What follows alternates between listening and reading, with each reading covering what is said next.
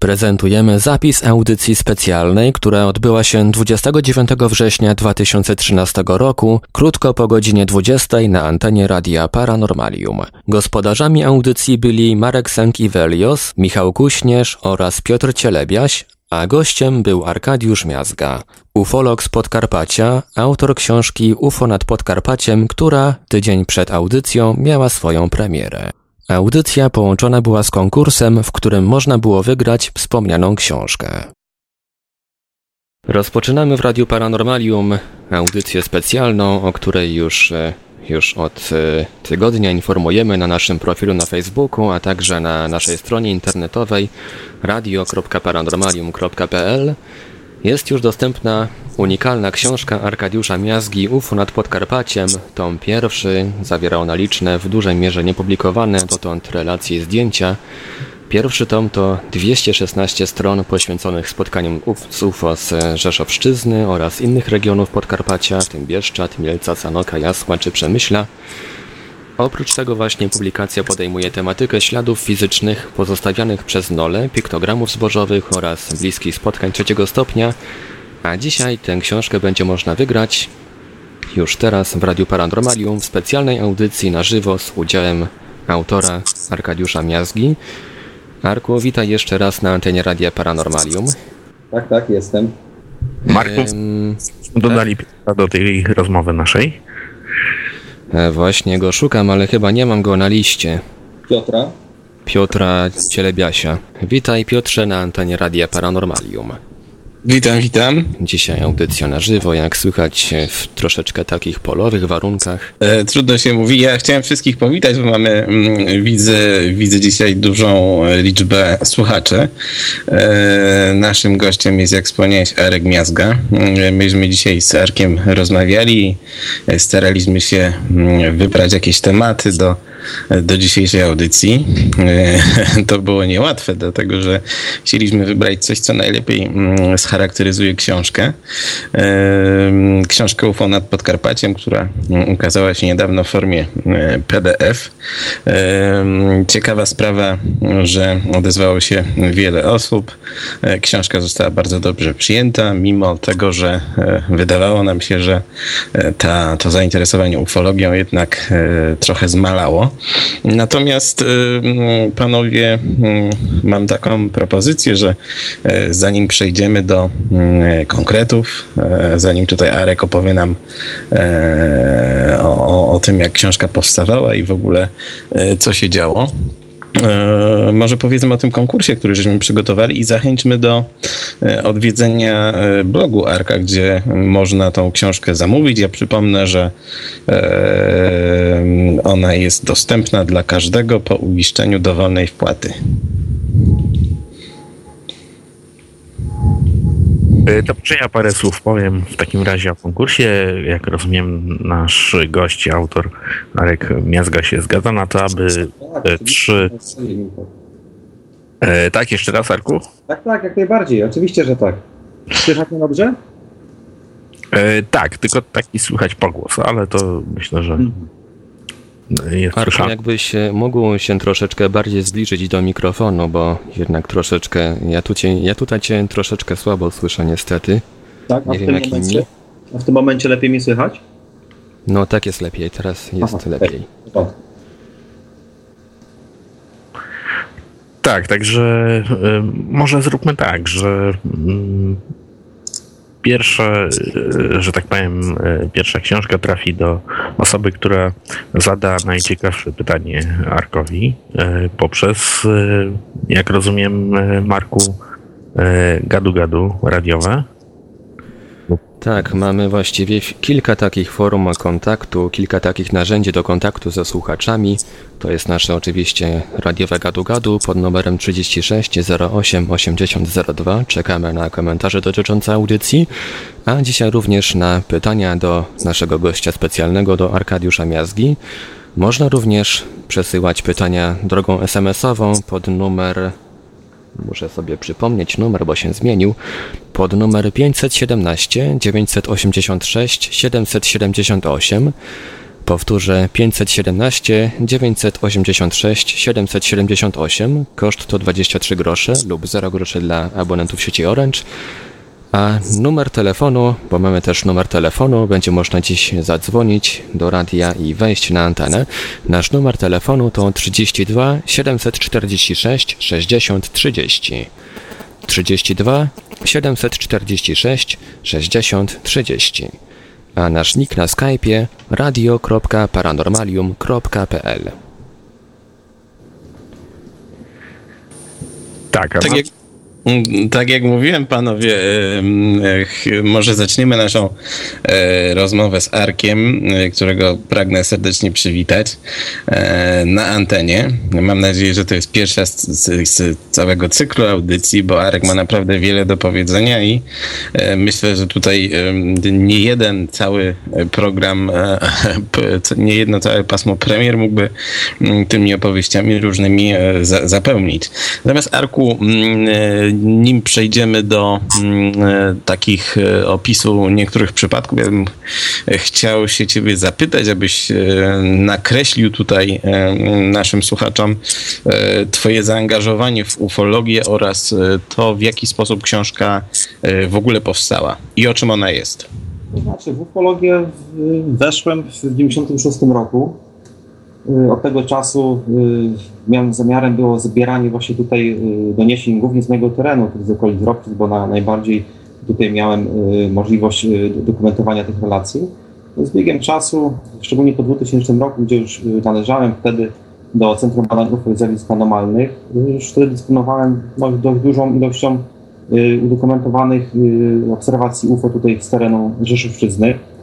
I w około 2005 roku pojawił się taki zamysł y, wpisania tego w jakiejś formie. Właśnie y, pomysł był taki, żeby powstała książka.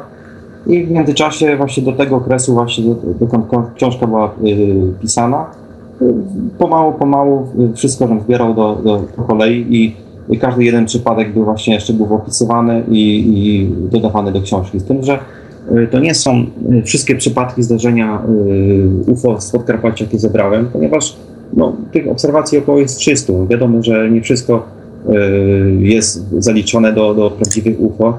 Y, Wybrałem te najbardziej ciekawe przypadki, takie, które uwiarygadniają y, całe zjawisko UFO, te, które naprawdę ciężko wytłumaczyć takim konwencjonalnym wyjaśnieniem, wyjaśnieniami.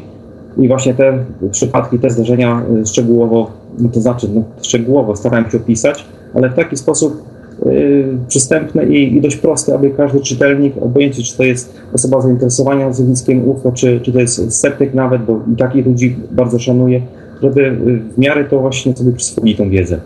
Także tutaj y, dysponuję, jeżeli chodzi o, o relacje, to najstarszą relację, jaką zebrałem, znaczy tutaj udokumentowałem w moim archiwum, to jest relacja z 1892 roku. Ona pochodzi z Przemyśla. O, to jest o tyle ciekawe, bo jest y, podane źródło informacji. Y, Tutaj właśnie w mojej książce jest y, wszystko dokładnie opisane. I taką ciekawostką jest to, że pra- prawdopodobnie przynajmniej dwie osoby obserwowały jakimś przyrządem do, do obserwacji, no nie wiem, czy była jakaś luneta, czy jakieś inne urządzenie, bo nie jest bliżej sprecyzowane, obserwowały w okolicach Jarosławia po północno-wschodniej stronie dziwną taką kulę na niebie, która emitowała w różnych kierunkach snopy światła. I to jest o tyle ciekawe właśnie, że w tym kierunku znajdują się miejscowości takie jak Zgoda, Tywonia, Munina.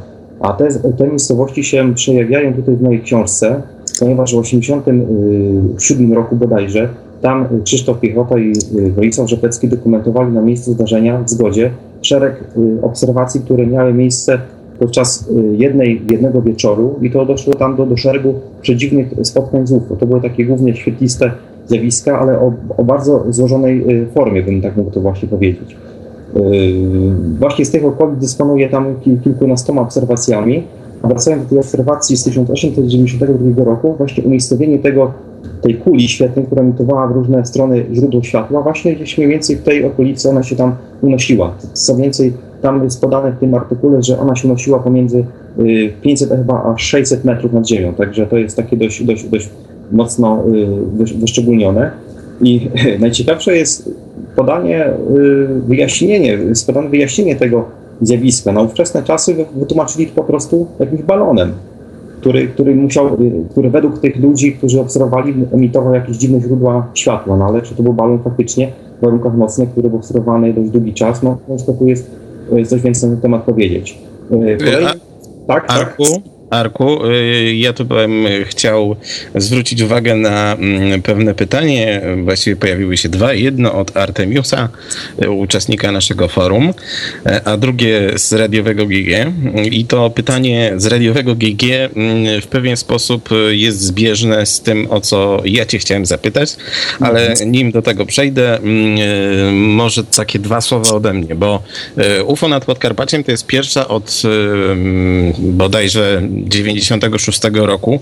Tak. E, książka, w której opisane zostały nie tam jakieś pierdoły, że tam 10 e, razy było powtarzane, e, nie wiem, o Roswell, o Wolskim i, i takie rzeczy, tylko tam jest podane czarno na białym kronika ufologicznych wydarzeń z Podkarpacia. To też nie są jakieś, e, nie wiem, latające kuleczki, e, czy tam obserwacje gwiazd, e, i tak dalej.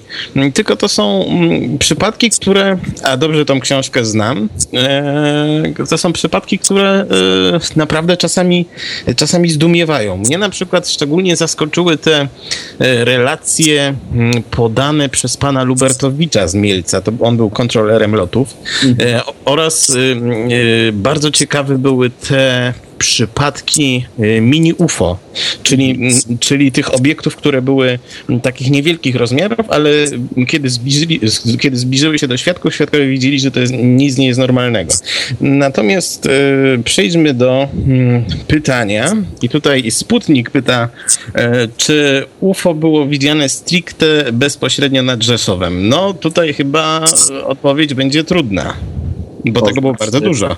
Y, takich obserwacji tutaj właśnie naszemu słuchaczowi chęcią odpowiem. Y, w mojej książce jest udokumentowanych tam w aneksie, w ostatniej części książki, pierwszego tomu, jest udokumentowanych, spisanych jest 50 y, obserwacji. Z tych 50 obserwacji jest bodajże chyba 8 obserwacji, albo już nie pamiętam do, dokładnie w tym momencie, ale około 10 obserwacji tych bliskich, czyli obserwacje obiektów z rzędu z odległości od y, do, do 200 metrów, prawda? Tu powiedzmy sobie szczerze, że do 200 metrów to jest ciężko się pomylić, jeżeli chodzi o jakieś typowe jakieś samoloty czy innego typu y, inne y, pojazdy latające. Także tych obserwacji w Rzeszowie było kilka.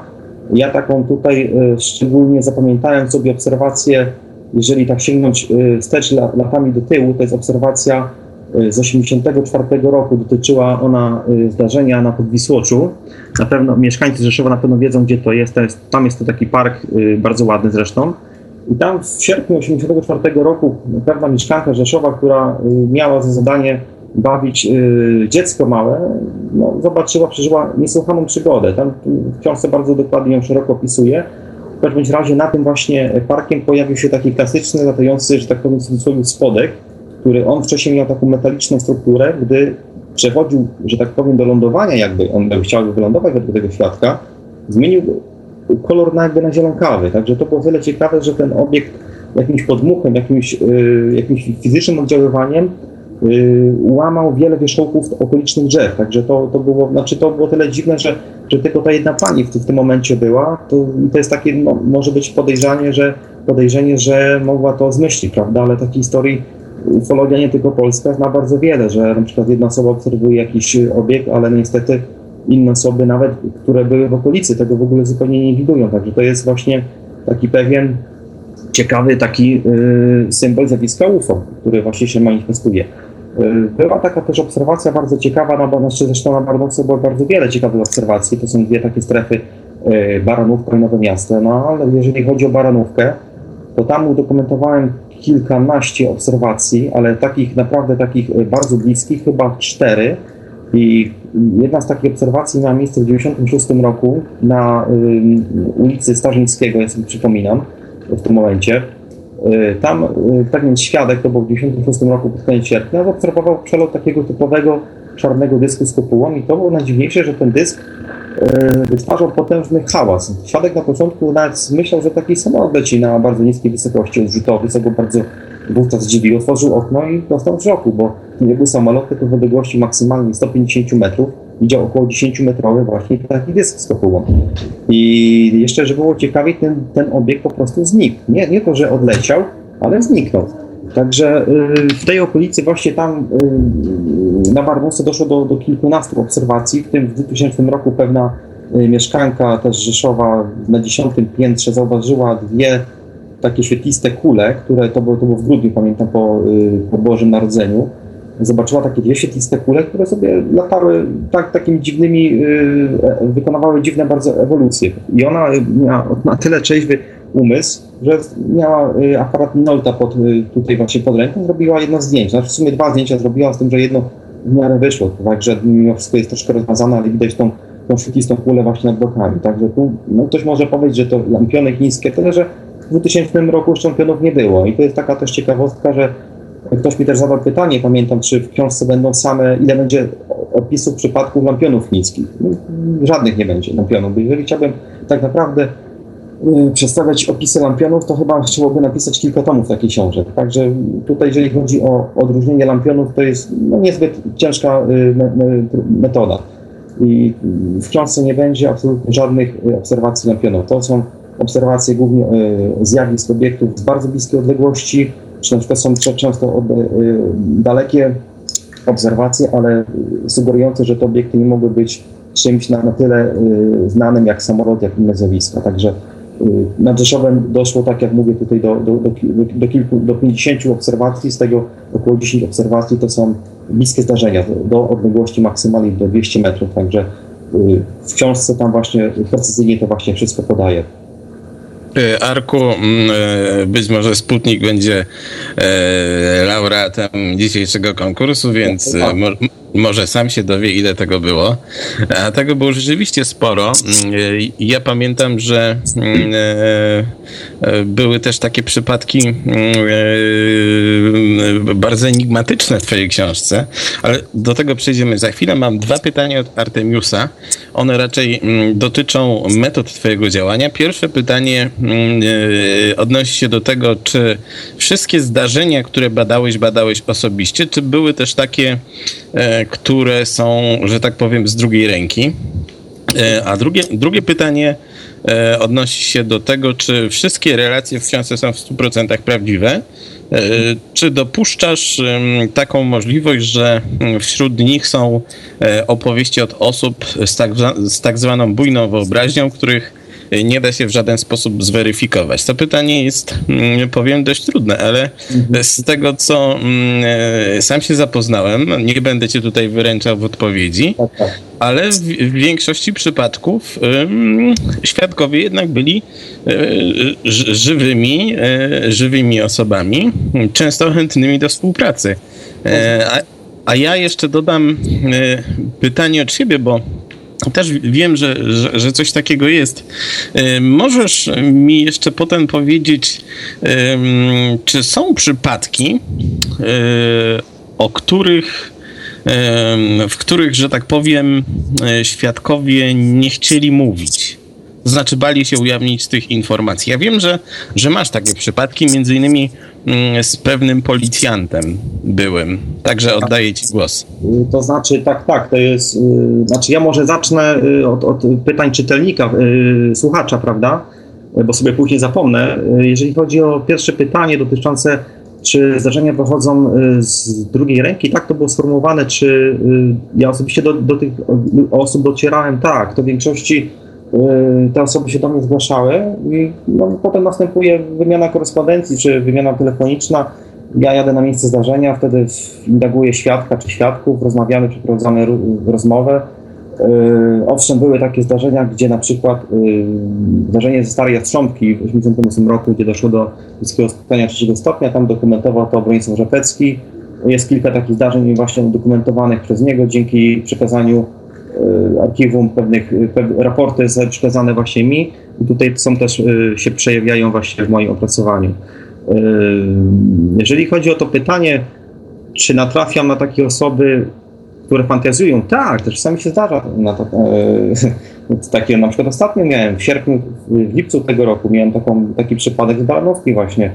pojechałem do właśnie do potencjalnego świadka obserwacji. On tam rzekomo miał widzieć dziwny obiekt nad, właśnie nad bokami, miał mieć zdjęcia dziwne. No jak się okazało, no, to była typowa mistyfikacja. Zdjęcia to były typową grafiką, jeszcze nie jego, tylko ściągniętą z internetu. Także jeżeli chodzi o taki odsiew typowych takich, że tak powiem, oszustów, no to no nie jest to trudność ustalenia tak, tak naprawdę, ale większa, większa jest, znaczy nie ma tak wiele osób, które by specjalnie mnie prowadzały w błąd, chociaż wiadomo, że zdarzają się zawsze takie osoby, ale większość osób często się właśnie myli. Na przykład będzie zgłasza obserwację lampionów, myśląc, że to jest jakiś, jakiś dziwny obiekt, czy na przykład przylot stacji orbitalnej ISS. Tak, także w większości zdarzeń to są błędne interpretacje, ale pojawiają się rodzynki, takie właśnie te, które opisałem tutaj w mojej książce Uchwała pod. A Piotrze, przypomnij jeszcze, jakie pytanie do mnie sformułowałeś jeszcze odnośnie... Um, tak, y, dzisiaj nawet y, rozmawialiśmy o tym, y, bo mm, każdy ufolog ma takie przypadki mm, w swoim archiwum, my też takie mamy w Infrze i na pewno ty też masz, mm, które są, że tak powiem, czasami zbyt dziwne albo są, że tak powiem, niedopowiedziane. My mamy taki przypadek, dam tutaj taki przykład, my mamy taki przypadek z Gdyni z bodajże 2005 roku, kiedy pewien pan pracownik pola golfowego e, twierdził, że monitoring tegoż pola nagrał e, dziwny obiekt, który był e, na pewno pochodzenia nieziemskiego, który tam zmieniał formy i to było nagrane. Ten pan nawet wykonał jedno zdjęcie, zdjęcie z ekranu, no ale nie, nie, nie dowiedzieliśmy się nic więcej. I teraz moje pytanie, czy ty również posiadasz takie przypadki? Bo pamiętam, że Kiedyś opowiadałeś o przypadku mm, policjanta, który widział latające humanoidy. Czy są takie przypadki, w których świadkowie są na przykład zbyt wysoko postawieni, jak to się mówi, żeby, żeby mm, mówić? To znaczy, ja akurat y, ci powiem konkretnie, dotarłem, jak, ale to już chodzi o, o inną y, część książki, bo to będzie w drugiej części y, ten opis tych obserwacji NEDA 4. Tam tak może tak w skrócie powiem, doszło do obserwacji około 30-metrowego obiektu, który wisiał na D4 w 2011 roku i tam właśnie między innymi policja, wiem, że przynajmniej jeden z policjantów y, to zdarzenie obserwował, tyle że no, niezbyt chętnie y, chciał udzielać informacji, dlatego że zrezygnował z tego, no bo skoro ktoś y, no, no nie chce się w to angażować, to ciężko kogoś na siłę skłaniać prawda, do, do zeznań takich. Także Owszem, jeżeli chodzi na przykład o wysoko postawionych, y, wysoko postawione osoby, na przykład no, tu mogę powiedzieć, że miałem kontakt y, z pilotami z, z Mielca. To, są, to był pilot, y, może nie będę wymieniał nazwiska, chociaż tutaj jest, jest podane w mojej książce, pilot oblatywacz, który w 1984 roku ścigał iskrą obiekt nad Mielcem, to znaczy ścigał, w sensie on się przypatrywał, tylko miał takie zadanie,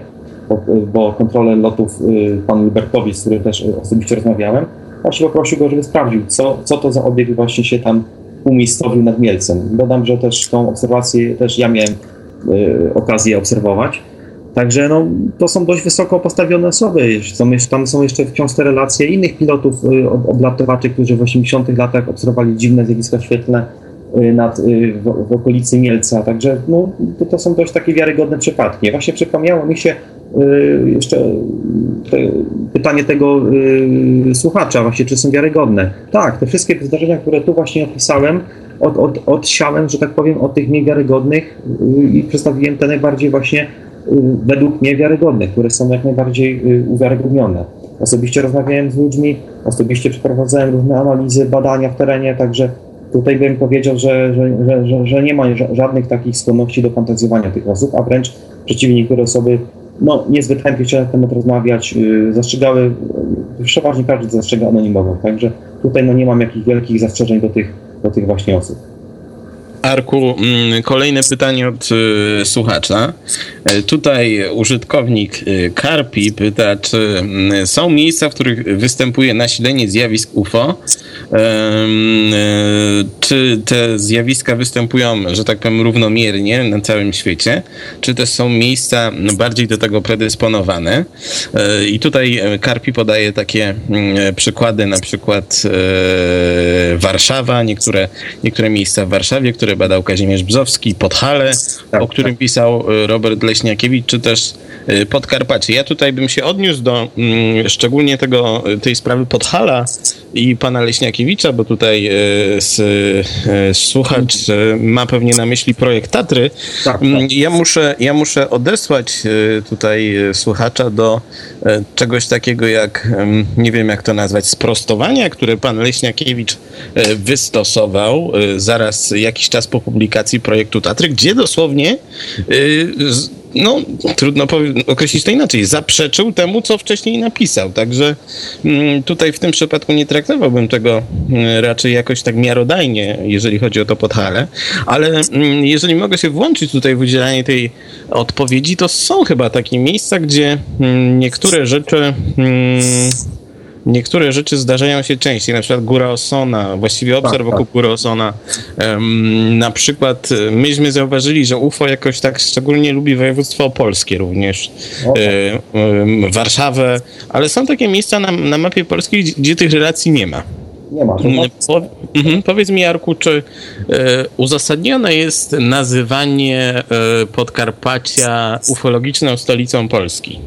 Znaczy ja osobiście Piotrze się yy, tak tego nie określa, bo to tak często media, prawda, piszą, jeżeli ktoś ze mną robi reportaż, no to potem pojawia się taki sensacyjny nagłówek właśnie, no po prostu ja się tym zajmuję 17 lat, już no, wiele osób tutaj mnie zna na Podkarpaciu i wiedzą do kogo ewentualnie można się zgłosić. Jest taki człowiek, istnieje, ale niestety w obecnych czasach ufologia na tyle sięgnęła, że tak powiem, dołka, że tych ludzi jest coraz mniej w Polsce i jest w takich miejscach bardzo mało aktywnych. Na przykład w tej chwili bardzo się cieszę z tego powodu, że Damian Trela, na przykład legnicki badacz, powrócił do ufologii, znakomity zresztą, bo mieliśmy okazję osobiście w Latowie brać udział w badaniach pitogramów i, i różnych obserwacji tam rejestracyjnych Także z tego, co ja pamiętam jeszcze w latach y, pod koniec lat 90., to tam się robiło do obserwacji przeróżnych. I to nie właśnie takich światełek dalekich, to były realne, konkretne obiekty, właśnie tak jak na Podkarpaciu, w bardzo bliskiej odległości. Właśnie te, co nazywamy z górnej półki, prawda? Y, jeżeli chodzi o Podkarpacie, też są takie miejsca na przykład y, bardziej aktywne i mniej aktywne. Też są różne okresy, różne czasy, gdzie się te, gdzie się te zjawiska bardziej intensyfikują, a, a później nie. Na przykład dobrze się zapowiada rok 2013, bo w marcu była pierwsza obserwacja bliskiego spotkania drugiego stopnia, gdzie y, obiekt oddziaływał na otoczenie. Tam był bardzo dziwny, y, odczuwalny odór po tym obiekcie. Y, kot bardzo źle reagował na ten, na ten obiekt. Ja to opisałem szczegółowo też w książce. No, do, do, tej, do tej pory jest przerwa. Praktycznie od marca nie otrzymałem żadnej takiej fajnej obserwacji, która mogłaby na, naprawdę wiele coś powiedzieć na temat y, tego zjawiska. Y, jeżeli chodzi o Podkarpacie, szczególnie, szczególnie takimi miejscami, gdzie się zjawisko UFO pojawia częściej, to, to, jest, to jest Rzeszów i okolice Rzeszowa. Proszę pamiętać, że pierwszy piktogram, jaki powstał, bo zawsze się mówi jak o piktogramach polskich, to zawsze się wymienia Wylatowa. Ja, ja sobie bardzo cenię to też to miejsce, bo też tam byłem w 2003 roku dwa tygodnie ale pierwszy piktogram zbożowy powstał w 2000 roku koło Rzeszowa, w Kielenówce, to jest 25 km od mojej miejscowości. I tam też jest w książce zawarta, zawarty bardzo szeroki opis tego powstania piktogramu. O tyle ciekawe, że 1 lipca kilka niezależnych osób obserwowało nad tą dolinką, że tak powiem, dziwne zjawiska świetlne. To były jakieś kule, jakieś, jakieś takie jakby do spotków podobne zjawiska świetlne. Także jest to bardzo ciekawy rejon. Właśnie Rzeszów, okolice Rzeszowa. Bardzo się cieszę z tego powodu, że dotarłem tak samo do, do świadków z Bieszcza, bo to był temat w ogóle tabu, jeżeli chodzi o ufologię polską. Ja pamiętam rozmowy nasze z, z byłymi ufologami, jak Bronisław Żopecki czy Krzysztof Piechota. Oni w ogóle no, mieli chyba tylko w archiwum jedną czy bodajże dwie obserwacje z tego terenu, bo nie mogli dotrzeć w tamtych czasach do świadków. Mi się udało dotrzeć do, do kilkunastu fajnych obserwacji, bardzo ciekawych, szczególnie Sanoka, gdzie w 1946 roku dziewięć osób obserwuje y, taki klasyczny latający dysk. To jest 1946 y, rok, proszę pamiętać, rok przed słynną obserwacją Kenneta Arnolda, gdzie pojawił się współczesny syndrom zjawiska UFO. Potem też są zjawiska takie bardzo ciekawe związane z pominą caryjską, opisane przez, przez świadków, także fajnie, fajny teren pod względem obserwacji. No i też okolice tutaj właśnie, gdzie mieszkam, Rokczyce, może nie same centrum Rockpryc, ale najbliższe okolice, takie jak Glinik, jak w okolicy zakładów magazytowych. Jest bardzo, bardzo wiele obserwacji tutaj występuje. Występowało od, od, od dość długiego okresu czasu. E, Arku, kolejne pytanie, mm, e, takie nietypowe, od Artemiusa również. E, przeczytam je. Czy spotkał się pan kiedykolwiek z relacją o dużym obiekcie latającym, emitującym regularne błyski światła, porównywalne do jasności lampy błyskowej skierowanej wprost na obserwatora? Mm, Artemius dodał, że odpowiedź na to pytanie bardzo go interesuje. Mm, chodzi o to, czy tak w dużym uproszczeniu czy, mm, e, e, czy, czy któryś ze świadków został, że tak powiem, trafiony jakimś światłem z, z obiektu? Bo ja pamiętam, że w twojej książce jest relacja, nie pamiętam skąd, ale relacja pana, który wręcz jakby znalazł się w środku jakiegoś dziwnego czegoś, prawda? I to nie, nie, nie w środku obiektu, ale w tak. środku czegoś, co można nazwać, no nie wiem, światłem. Tak, tak. To, to jak sobie przypominam, w 76 roku to jest okolica pomiędzy Przemyślem a Jarosławiem. Właśnie to jest aktywna też taka okolica pod względem obserwacji UFO. Tam człowiek wracał, świadek z pracy, z nocnej zmiany wracał od, od, w kierunku swojego domu i po drodze napotkał taką dziwną mgłę. Ta mgła się przeistoczyła w taką dziwną kulę i on w tej kuli znalazł, to była około kula 3-metrowa. To było najdziwniejsze, że ten świadek raczej stracił poczucie czasu, w ogóle jakiejś rzeczywistości, co nazywamy to właśnie czynnikiem OZ, prawda? E, a po drugie, zniknęły mu jakby od pasa nogi. Nie widział tego, mimo że czuł te nogi, że one były, bo się dotykał, bo, bo czuł te nogi, ale ich tak naprawdę nie było. Mało tego, tam jeszcze był taki jakby, on opisał rodzaj jakby jakiegoś pulpitu, czy takiego jakiegoś y, urządzenia. Dokładnie to nie, nie jest sprecyzowane, bo to coś go puściło dosłownie przypłocią, był w takim szoku, że, no, że nie wiedział do, dokładnie, co się z nim działo tak naprawdę. I to jest ba bardzo wiarygodny człowiek, jest fotografem w tym momencie. Akurat od czasu do czasu mamy jeszcze kontakt. Y, a jeżeli chodzi o takie emisje snopów świetnych, czy jak tam czytelnik, y, słuchacz zadał fleszy, tak, tak, tak, takie obserwacje są. Takie obserwacje tutaj były między innymi y, koło tutaj y, w miejscowości Ostrów, gdzie pewna kobieta też wracając właśnie z pracy z nocnej zmian została oświetlona przez taką potężną kulę światłem. Y, ja mogę się nawet też pochwalić, że też miałem podobne zdarzenie tu w okolicach zakładów magazytowych w 1998 roku, gdzie mnie i kolegę też coś z góry oświetliło, tyle że myśmy nie widzieli żadnego obiektu, ale, ale na tyle było to dziwne, że nas oświetliło z góry, jak, znaczy oświetliło z góry jakiś stop światła. E, takie zdarzenia się pojawiają, owszem, też pamiętam, gdzieś mam tutaj e, opisane, chyba na moim blogu jest opis e, pewnej, pewnej osoby, która właśnie też rejon Jarosławia, która wracała, to był chyba 93 rok, jak dobrze przypominam, albo 2003, wracając do domu też została oświetlona przez taki obiekt dyskokształtny z taką emisją właśnie takiego jakby, to nie był stąd światła, tylko taki właśnie, jak tutaj słuchacz zadał mi pytanie, taki flash Także są, są takie obserwacje w moim archiwum, oczywiście, jak najbardziej. Teraz takie pytanie mm, może bardziej ode mnie, Arku, bo e, ja e, swego czasu mm, e, dość dużo, mm, dość wiele razy po, po poruszałem temat podkarpackich obserwacji UFO, między innymi w publikacjach na Onecie i jedną, jednym z tematów, który wzbudził najwięcej emocji była sprawa Glinika. Ja wiem, że sprawa Glinika jest, jest częścią tomu drugiego. Natomiast e, chciałbym tutaj, żebyś powiedział parę słów e, na temat tego, e, tego niezwykłego miejsca, bo ja wiem, jak wielu ludzi zareagowało na historię o gliniku. Część oczywiście uważała, że to nieprawda. Natomiast inni, i chyba możemy to powiedzieć, organizowali lub organizują tam nawet wyprawy. Także nie wiem, wiem e, na ile to. Mhm. Ale jeszcze, jeszcze jedno. E, Arku, e, bo to również, o tym również rozmawialiśmy. Okazuje się, że właściwie glinik to tylko jedna z kilku takich anomalnych stref w, na Podkarpaciu. Czy to prawda? Tak, tak, tak. Jeżeli chodzi o glinik, to to twój artykuł na Onecie zrobił świetną reklamę, tak można powiedzieć szczerze, bo rzeczywiście to jest prawda, co, co mówi, że są organizowane wręcz takie w cudzysłowie wycieczki. Ostatnimi czasy miałem właśnie okazję rozmawiać pod tym kątem. Ale jeżeli wracając do samego Górnika, tak, tam, tam zdarzenia, które miały miejsce, to, to jest w ogóle sprawa na tyle dziwna i ciekawa, że to nie tylko jest związane, jeżeli chodzi tylko o zjawisko UFO, bo tam się manifestują przedziwne rzeczy. Znaczy w tej chwili jest cisza, tam się nic nie dzieje, ale ja zebrałem tam kilkanaście właśnie obserwacji i zdarzeń. E, od klasycznej obserwacji UFO, lądowania nawet takich mini obiektów tam bardzo często się odbywały, po relacje obserwacji dziwnych takich e, postaci, czy zjaw, czy na przykład nocnych gości w mieszkaniach, e, jak to określają badacze, w mieszkaniach, znaczy w domach tych osób. Znaczy tam są takie dwie strefy, y, bym, bym tak tutaj mógł y, stwierdzić na, na dzisiejszy dzień, gdzie właśnie te zjawiska się jakby intensyfikowały.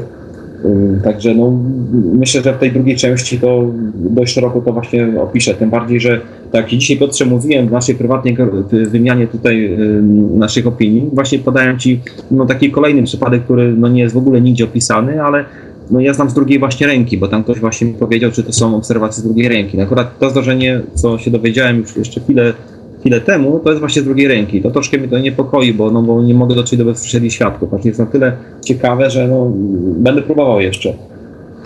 Tam miały miejsce w dzienniku takie zdarzenia jak znaczy zdarzenia, znaczy daty są nam bardzo ciekawe, bo to są daty lata 50., 60., 70., ostatnim czasy byłem, tam dokumentowałem już chwilę temu, w 2011 chyba rok, tam pojawiła się taka dziwna właśnie postać, ja tam opisywałem to dość dokładnie na moim blogu, także no dziennik myślę, że to jest taką, taką jedną z, z takich, a, a, takich małych miejscowości anomalnych. Znaczy owszem, no, pojawiają się takie głosy rozsądku, że no, ktoś tam sobie wymyśla, że, że ćpa nawet, no to jest mm, troszkę nie, nie w porządku, bo jeżeli chodzi o mnie, to ja do tych e, osób musiałem docierać przez mojego współpracownika, takiego tam człowieka, którego mam w kliniku i te osoby niezbyt chętnie mi chciały o tym powiedzieć. Ja musiałem, mój informator musiał długo, długo przekonywać, żeby oni się w ogóle musieli spotkać, bo to jest mm, mała miejscowość, mała wioseczka, prawda, i no, no nie każdy tym chce mówić wprost. A czy są takie, są takie obserwacje, w Gliniku. Drugim takim analogicznym miejscem, troszkę dalej od Glidnika, to jest Nockowa Będzienica. Tam to jest taka też niewielka miejscowość. W 1988 roku, jak się okazało, bo dotarłem do, wreszcie do, do bezpośredniego zapisu tej obserwacji, tam miała miejsce no, przedziwna sprawa, przedziwna rzecz, ponieważ jednej nocy się zamanifestowało y, przynajmniej kilka y, zdarzeń związanych z UFO, a kulminacją tych zdarzeń była obserwacja przez trzy osoby z, z rodziny takiego dużego jakby monitora, prawda? Na, na monitorze się wyświetliły dwie istoty właśnie. To takie istoty były dziwne, bo, bo zielone były właśnie. To taka troszkę analogia tutaj do, do Emilcina, ale z Emilcinem nie, nie miało nic wspólnego, prawda? Także to też będzie bardzo dokładnie i szeroko opisane w książce. Dziś serdecznie tutaj zapraszam na to. Także Piotr i tutaj yy, osoby z branży doskonale wiedzą, o, jak, o jakie zdarzenie tu na pewno chodzi. Y, no tak, no tak. Jeszcze, e, bo pamiętam, że mi mówiłeś, że po tym artykule na Onecie pojawiły się e, nawet propozycje od mediów, tak? Że, e, że, że, ktoś tam nawet chciał nakręcić dokument na ten temat. No ciekawa, ciekawa sprawa. Mm, jeszcze jedno pytanie od czytelnika. Czy miał Pan do czynienia w swoich badaniach fenomenu UFO relację, że wiązka energii emitowanej przez Nola potrafi modyfikować stan materii, deformować przedmioty, prześwietlać ściany? Innymi słowy, czy mm, e, światło emitowane przez obiekt e, było w stanie penetrować e, jakąś stałą materię? Miałeś coś takiego w swoim e, archiwum? Czy nie, masz? Ja, ja, osobiście takiego czegoś nie miałem, ale są takie zdarzenia wiadomo, bo na przykład y, MUFON, y, zagraniczna sekcja MUFONu, znaczy niemiecka sekcja MUFONu szczegółowo opisała i, że tak powiem, rozebrała to światło pod kątem fizyki, bo tu właśnie polecam y, raporty MUFONu niemieckiego, także były takie obserwacje w Europie, a szczególnie pamiętam taką, takie zdarzenie w Brazylii, to było w latach 70., gdzie y, zatrzymały się dwa takie świetliste dyski i one wyemitowały takie snopy świetlne, tylko że te one, te snopy, nie to, że szybko się przemieściły w kierunku tych y, zabudowań, one sobie dosłownie tak malutko dryfowały. Także prześwietliły ściany, dotknęły y, nawet y, dłoni jednego ze świadka, który odczuł takie dziwne mrowienie. Także no, to jest nazwane właśnie to światło no, twardym światłem, czy stałym, taka określenie tego światła. Także znaczy, to nie jest zupełnie całkowite pojęcie światła, bo tu, tu mamy chyba raczej prawdopodobnie do czynienia z czymś innym niż, niż, niż typowym źródłem światła. Ale ja osobiście, jeżeli chodzi o taką przemianę światła, przemianę materii przed światłem, no ni niestety nie miałem żadnej takiej, ta, takiego y, zgłoszenia. Ale może będę miał jeszcze, nie wiadomo. To ja może skorzystam z okazji i przypomnę kontakty, pod którymi czekamy na pytania do naszego gościa. Jest nim dzisiaj Arkadiusz Miazga, badacz ufologii z Podkarpacia. Dzisiaj w naszej audycji będzie można otrzymać e-booka, książkę Arkadiusza Miazgi UFO nad Podkarpaciem, tom pierwszy. Książkę otrzyma autor najciekawszego pytania do naszego gościa. Na pytania czekamy pod następującymi kontaktami.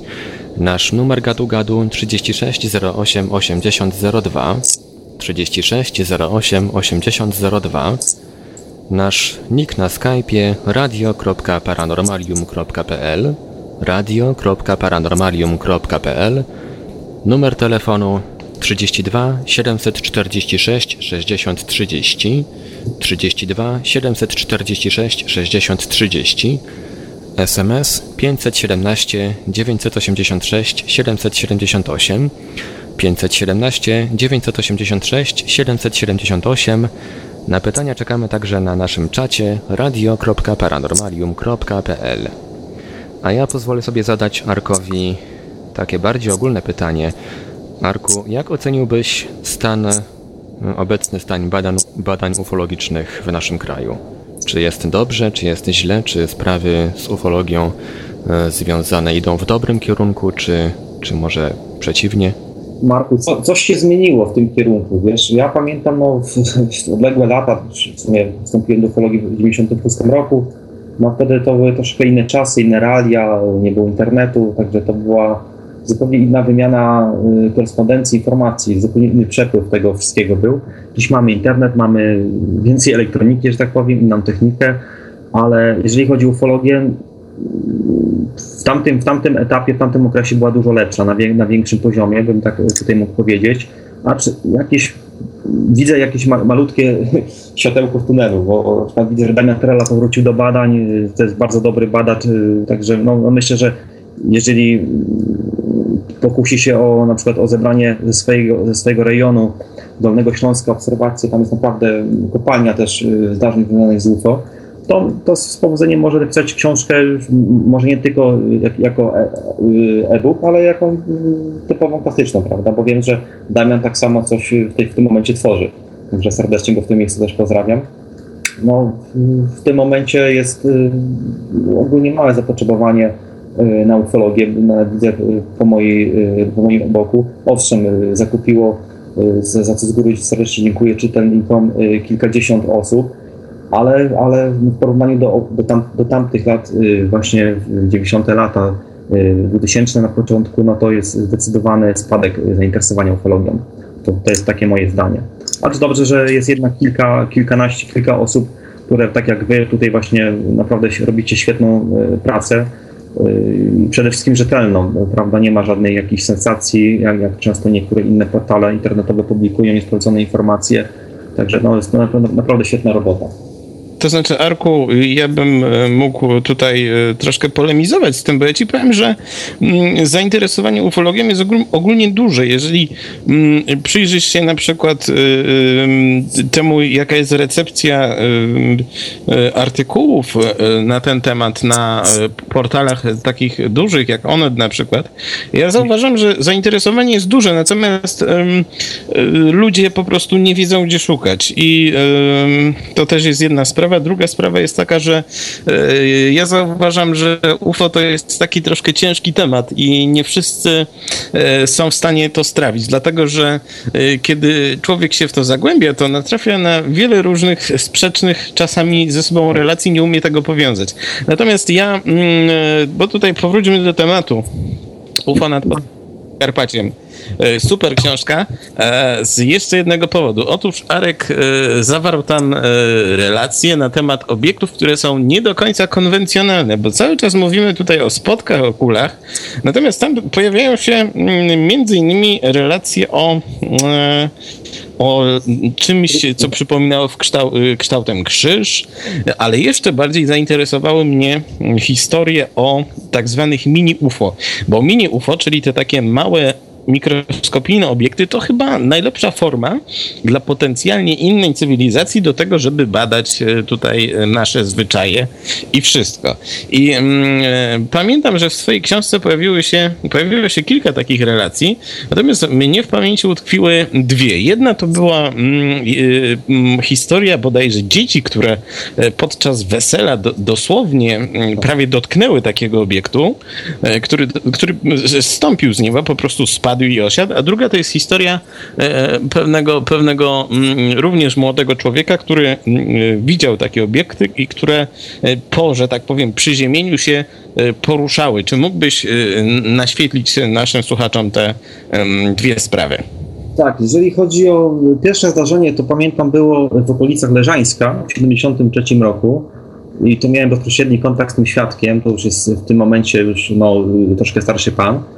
E, właśnie tak jak Piotrze mówiłeś, podczas wesela to była grupa e, kilkunastoletnich dzieci, no tak tak na wsi, prawda, bawili się na, na łące tam w okolicach właśnie tego wesela i tam zobaczy, zauważyli, że, że z nieba spada coś jak w rodzaju gwiazdka, oni to nazwali. Ta gwiazdka rzeczywiście na sobie spadała, spadała i dosłownie prawie wylądowała mm, koło nich. To, to był taki obiekt świetlisty, miał chyba bodajże, jak dobrze pamiętam, kilka centymetrów.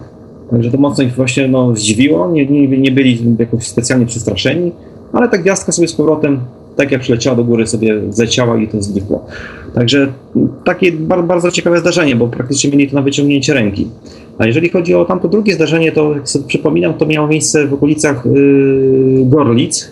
Yy, tak, tak, to miało w okolicach Gorlic. I tam też świadek natknął się dwukrotnie na y, obiekty wielkości y, no, pięści, można powiedzieć, które właśnie też spadły z nieba delikatnie się potoczyły na, na polanie i znikły. Nie to, że y, jakoś zgasły, tylko znikły.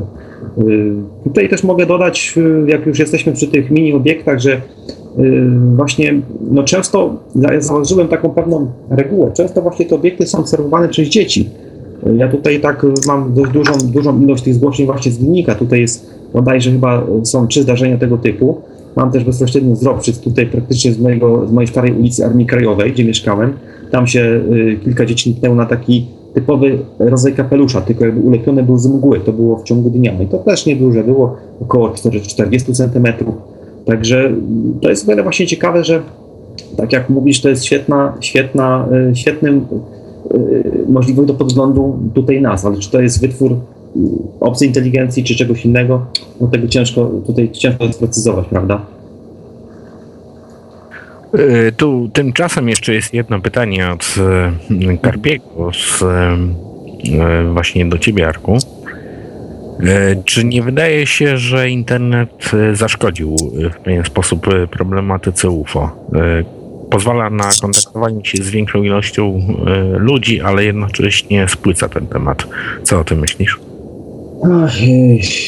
Znaczy mi osobiście internet wiele pomógł. Tutaj nie mam, nie mam nic do, do zanegowania, bo ja pamiętam e, dawne czasy, gdy internetu nie było, no to naprawdę ciężko było dotrzeć do tych czytelników, pisało się różne artykuły po lokalnych gazetach i to było no, dość trudne, prawda, ale, ale, ale, ale żeśmy tak robili. No a teraz jest szybszy kontakt, jest e, szybszy odbiór, e, dotarcie do świadka ja uważam, nie, no, no nie widzę takiego strasznego y, problemu, jeżeli chodzi o internet i ufologię. Wiadomo, że no, w szczególności tutaj jest rzetelność podawanych informacji, tak jak YouTube czy, czy y, różne portale internetowe, nie tylko w Polsce, ale za granicą, no, podają czasami naprawdę no, totalne bzdury. Także, no, ale to, no, trzeba być troszeczkę sceptycznym w tym, co się robi. To jest y, no, no konieczność. Także mm, ja, ja, osobiście nie mam żadnych żadnego negatywnego y, takiego zdania na, na, na, na ten temat. A no. powiedz mm, może jeszcze, mm, to Michał nie do końca, mam jeszcze jedno pytanie. Ja też mam jedno pytanie. E, tutaj jeśli chodzi o konkurs, e, to myślę, że y, tak jak y, mówiłem na początku, mm, y, najciekawsze pytanie to już ty będziesz musiał wybrać, które jest i któremu ze słuchaczy wyślemy. Dobrze. W porządku. Czy, to jeszcze masz czas, że tak powiem, do zastanowienia się. Ewentualnie jeszcze mogę jedno pytanie zadać mm, dla słuchacza, w, w zasadzie dwa. Mhm. Może pierwsze takie, mm, aby odpowiedzieli na mm, pytanie, czym jest skrót NOL. Drugie, skąd pochodzisz, Arku? Może tak. No to skrót NOL to wiadomo, co to znaczy, to jest polski skrót yy, niezidentyfikowanego obiektu latającego, prawda? No Często tak, ale pytanie do, do słuchaczy. Tak, tak. To, tak, tak, oczywiście. A, a drugie pytanie jak brzmiało? A drugie pytanie do słuchaczy. Z nie pochodzę, tak? No to, to, e- jest, to, to są robczyce. Arku, Arku, Arku. No, odpowiedziałeś na pytania konkursowe teraz, no. A, wieku, bo, bo nie słyszałem dokładnie, wiesz? Mhm. Sorry. Dobrze, to Michał może wymyśli dwa kolejne pytania, a my będziemy kontynuować. To za chwilę wymyślę, a teraz e, zadam pytanie od siebie. Arku, jak myślisz? Bo słabo słyszałem, sorki, ale coś słabo słyszałem w tym momencie. Dobra. Arku, jak myślisz, jakie jest pytanie, znaczy odpowiedź na pytanie, czym w zasadzie jest zjawisko UFO? czym zjawisko jest UFO? Dla mnie to jest mm, bardzo ciężka sprawa tak naprawdę to w 7, siedzę w tym, że tak powiem, 17 lat, ale im więcej wiem, tym, tym mniej wiem. No, ciężko dla mnie to jest określić. Y, Jesz, jeszcze na, na, na obecną chwilę ja, ja tego nie mogę powiedzieć. Tak samo jak ktoś się spodziewa w książce, że ja odpowiem na to pytanie, ja, ja tego dokładnie nie wiem. Są y, takie zjawiska, jak właśnie jak tutaj coś zajmujemy z wami, ale, ale na pytanie, czym ono jest i skąd pochodzi, to ja tego nie umiem naprawdę nikomu odpowiedzieć. Także tutaj nie, nie będę Ściapiszowo z różnymi teoriami, choć będą pewne teorie w mojej y, drugiej książce, na przykład Kazimierza Bzowskiego, który specjalnie dla, dla mojej książki napisał pewien podrozdział nawet jeszcze za jego życia, y, czym jest UFO według niego. Czy można się z tym zgadzać, a nie, nie musimy, prawda? Ale UFO jest na tyle dziwnym zjawiskiem, że znaczy często mi się też wydaje yy, zbyt do jednego worka z napisem UFO wrzucamy zbyt wiele różnych obserwacji i tutaj powstaje taki właśnie troszkę zwałszowany obraz tego, tego zjawiska. Ja dzisiaj z Piotrem rozmawiałem na ten temat nawet, bo no, czymś innym jest, prawda, świetliste, są świetliste kule, tak jak w Hesdalen, czy y, nad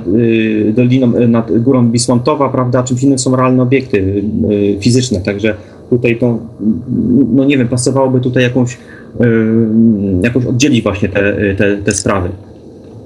Ale ja w, te, w tym momencie... Po... Tak?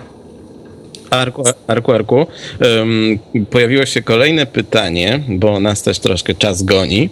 E, pojawiło się kolejne pytanie mm, od słuchacza. Maciej B. pisze, czy w Twoich e, archiwach są relacje na temat e, obserwacji UFO z czasów II wojny światowej? Ja tak. wiem, że są. Tak, oczywiście, pewnie, że są. Tak, y, czytel, y, słuchacz y, trafił sedno. Są mam takie obserwacje tutaj z 1944 roku. To była obserwacja dokonana Szczutca pod Rzeszowem. Tam dwóch świadków zauważyło przelatującą z południa na północ taką bardzo dużą świetlistą kulę, która się jeszcze dodatkowo obracała wokół własnej osi. I o tyle to było ciekawe, bo oni ustalili, że kula y, przemieszczała się w odległości mniej więcej 15 km y, no, przed nimi, a w tym kierunku właśnie jest Nockowa Będzienica, tam gdzie doszło do bliskiego spotkania trzeciego stopnia, gdzie właśnie będę opisywał y, drugiej części mojego tomu. Też dysponuję obserwacjami, jeżeli chodzi tymi historycznymi z 1938 roku z, Zagorzyc, to jest po Góry Ropczyckiej. Tam się pojawił w kwietniu 1938 roku taki jakby świetlisty krzyż, i z boku były usytuowane, według świad świadków, to były dwie kobiety, takie świetliste jakby cygara, słupy właśnie. Także to, to, bardzo ciekawe. Poniekąd w tej okolicy właśnie doszło do, do kilku różnych innych zdarzeń, które zostaną też opisane, przedstawione w drugim tomie. A mm, powiedz mi, mm, czy mm, e, na Podkarpaciu dochodziło do wielu przypadków e, spotkań z humanoidami, bo wiem, że mm, to interesuje wiele, wiele osób. Czy zanotowałeś przypadki na przykład mm, obserwacji istot wokół obiektu albo czegoś podobnego? To znaczy, tak, jeżeli chodzi o takie typowe zdarzenia C3, prawda, jak my to określamy tak roboczo tutaj, e, ja dysponuję raportem, właśnie tak jak wcześniej wspomniałem, Bronisława Rzepeckiego, gdzie on dokumentował zdarzenie w Starej Jastrzębce w 1958 roku. To było za Dębicą w kierunku północnym. Tam y, doszło do takiego bardzo fajnego, kuriozalnego spotkania, przypadkowego można powiedzieć, między człowiekiem a tym kimś, bo ten pan, który wracał właśnie z takich, y, z pracy, można tak, tak nazwać, wracał rowerem z pracy y, taką polną drogą, a wtedy była dość duża mgła, więc on z tego rowera zszedł, żeby no, gdzieś nie przywrócić się, nie spaść z rowera, bo tam były y, dość takie duże nierówności. I zobaczył, że na takiej polanie w mgle jakby przesuwają się trzy różne światła takie, takie bardzo niewielkie. I to go zaciekawiło, a, to, a odległość od, od, tych, od tego źródła światła wynosiła maksymalnie 150 metrów według ustaleń pana Rzepeckiego. I gdy on się bliżej jeszcze przybliżył, zobaczył, że tam jest zarys takiego obiektu jak właśnie spotkowatego, z takimi dziwnymi światłami po bokach. I najdziwniejsze było to, że te światełka, które wcześniej obserwował, były albo na głowach jakichś istot postaci, a w każdym razie światełka były przymocowane na jakichś ruchomych właśnie humanoidach. Także on widział tylko z daleka te, te istoty, one nie były wielkie. Te istoty albo weszły do tego obiektu, albo zostały wpłynięte przez światło, ponieważ właśnie takie coś się pojawiło i gdy te istoty, że tak powiem, zostały wpłynięte, ten obiekt odleciał, tak dosłownie nad, nad jego głową. Świadek słyszał taki dziwny właśnie charakterystyczny y, szum, brzękot tego obiektu, no i na tym się obserwacja zakończyła. A drugim takim mm, zdarzeniem to właśnie była obserwacja y, w Nockowej Będzienicy w 1988 roku. Proszę zauważyć, że jeżeli chodzi o Podkarpacie, to bardzo, bardzo duże nasilenie obserwacji miało miejsce właśnie w tych latach 87-88, także czytelnicy jak y, zaczną studiować sobie moją y, książkę, pierwszy, drugi tom, na pewno spostrzegą tą, tą właśnie tą taką zależność czy regułę. I tam doszło też właśnie w Nockowej do, do spotkania takich humanoidalnych postaci, tyle że one nie były w zasadzie tak jakby fizyczne, my tutaj możemy tak sobie to teraz tutaj określić one się pojawiły na takim ekranie, jakby takim, jakby na telewizorze. Y, na przykład y, to były, to, to były dwie siostry i ich ojciec. Na przykład ojciec widział dwie istoty na ekranie na, na prostokącie, natomiast one widziały, że ten prostokąt się zmieniał w różne figury. Na przykład jak, była, jak był trójkąt, to istoty, istot było trzy. Jak, był, jak było koło, to były cztery. I to się tak zmieniało jak w takim kalejdoskopie. Także no to takie były istoty humanoidalne y, o, o kolorze zielonkawym, bardzo wysokie, one podały, charakteryzowały, że miały na sobie coś takiego jak, jak określiły to jak zbroja albo pancerz dinozaura właśnie, coś takiego. I najciekawsze było to, że y, nie widziały y, zarysów głów, tylko powiedziały, że zamiast głowy to był trójkąt taki jakby. Także to jest taka, no, taka duża ciekawostka. Y, jeżeli chodzi jeszcze o humanoidy, to też były takie mm, przypadki w, w Gliniku. Tam doszło do obserwacji w latach 50., a szczególnie w jednym przypadku obserwacji humanoidalnej postaci, która lewitowała, dosłownie odbiła się od ziemi, lewitowała i znikła. To widziała e, no, już, już nie żyjąca w, w tym momencie taka starsza pani, z którą ja przeprowadziłem wywiad. E, to właśnie była ta strefa w Gliniku, gdzie się te zjawiska tak często manifestowały. E, opodal tego miejsca, to jest jakieś 300 metrów dalej, też jest taka strefa, gdzie pewien człowiek, który kompletnie nie, nie, nie posiadał żadnej wiedzy na temat zjawiska UFO, w ogóle jakiejkolwiek wiedzy na temat w ogóle jakichś innych zjawisk, bym mógł tak powiedzieć, on widział właśnie coś takiego, co określił mianem, no to jest dość śmieszne, ale tak to nazwał, że widział Jezusa. I to było bardzo dziwne, bo myśmy tam pojechali właśnie z kolegą, dokumentować to zdarzenie. I to była taka postać jakby w ciemnej pelerynie, która się unosiła nisko nad ziemią w takiej, takim promieniu świetlnym. Także to było bardzo, bardzo takie ciekawe, niesamowite yy, doznanie tego człowieka, bo on myślał, że to jest, że, że widzi no dosłownie Jezusa. A Arku, y, pyta nas y, słuchacz, czy, odnotowałeś tam przypadki y, tak zwanych wzięć, czyli uprowadzeń na pokład UFO? Nie, nie. Jeżeli chodzi o, o klasyczne wzięcia, przynajmniej tutaj ja, ja takich przypadków tu nie dysponuję w moim archiwum. Owszem, miałem takie zgłoszenia tam gdzieś swego czasu, ale na tyle były mało wiarygodne, że nie, nie, nie, nie podjąłem się dokumentacji tego, rejestracji tego zdarzenia, bo jeżeli ma coś robić, to tak, żeby potem przedstawić wiarygodnie, a to, to nie było dla mnie, według mnie wiarygodne. Y, kolejne dwa pytania już odnoszą się do kwestii, bym powiedział, y, filozofii ufologii i nie wiem, czy my tutaj y, możemy się zajmować czymś takim, kiedy mówimy o faktach, bo mm, UFO nad Podkarpaciem to przede wszystkim fakty, ale oczywiście musi stać też za tym pewne zrozumienie tych zjawisk i nasi czytelnicy mm, właściwie mm, teraz jest cały zasyp pytań. Może przedstawię je w, formie dwóch pytań e, skomasowanych. Brzmią one tak. Arku, jeden, z, jeden ze słuchaczy sugeruje, że kosmologia buddyjska pozwala na, na zrozumienie e, wielu e, i wedyjska pozwala na zrozumienie wielu aspektów zjawiska UFO. Czy interesowałeś się kiedyś takimi wyjaśnieniami? Kolejny czytelnik pyta, czy łączy pan świat aniołów z istotami pozaziemskimi? Um, I jeszcze jedno pytanie. E, to jest bardzo ciekawe. E, może przeczytam. E, ile razy zdarzyło się, że po obserwacjach UFO na Podkarpaciu pojawiały się samoloty wojskowe? Czy były to częste zdarzenia? No, może zacznę Piotrze od ostatniego pytania. Znaczy nie było takich zdarzeń tak, tak wiele, jak na przykład w Latowie, gdzie tam miałem okazję też y, obserwować samoloty wojskowe, ale utkwił mi w pamięci przypadek właśnie tutaj z, nad, y, z 84 roku, 13 lipca, gdzie właśnie ten niby balon się manifestował nad całym Podkarpaciem i ja dotarłem do takiego człowieka, który właśnie mówi, że jak obiekt znikł, znaczy czy się oddalił z nad Mielca, wtedy przyleciały dwie pary dyżurnych migów. To, to mam, takie, mam, mam taki opis tego przypadku.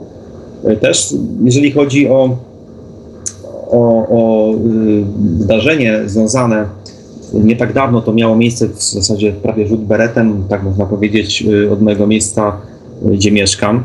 Tam się, hmm, tam się pojawił taki właśnie duży obiekt nad A4, około 30-metrowy taki dysk. I w momencie, gdy ten obiekt albo był, albo, albo przed, ja osobiście widziałem, jak w tym, w tym kierunku leciał wojskowy śmigłowiec Mi-8. Potem dostałem potwierdzenie z wojska y, dowództwa sił lotniczych z Warszawy, bo y, się informowałem właśnie y, na ten temat, ponieważ dotarły do mnie tak, tak przedziwne, ciekawe zdarzenia właśnie z, z tego wieczoru, no, że musiałem sprawdzić, czy faktycznie um, ewentualnie ten śmigłowiec coś, coś mógł tam interweniować, coś działać właśnie, bo, bo w tym kierunku latywał. Także to była taka dość duża i interesująca zbieżność, bo obieg był o 18.45, a dowództwo sił wojskowych podało, że śmigłowiec leciał 5 minut wcześniej, także to było bardzo interesujące według mnie. Także no, no nie wiem, jak to, jak to odczytać, ale, ale sądzę, że mogło to mieć jakiś związek. Zresztą pamiętacie, chłopaki, że byście też mieli yy, obserwacje z Balic w tym okresie. To było chyba 3-4 dni wcześniej, prawda? Właśnie.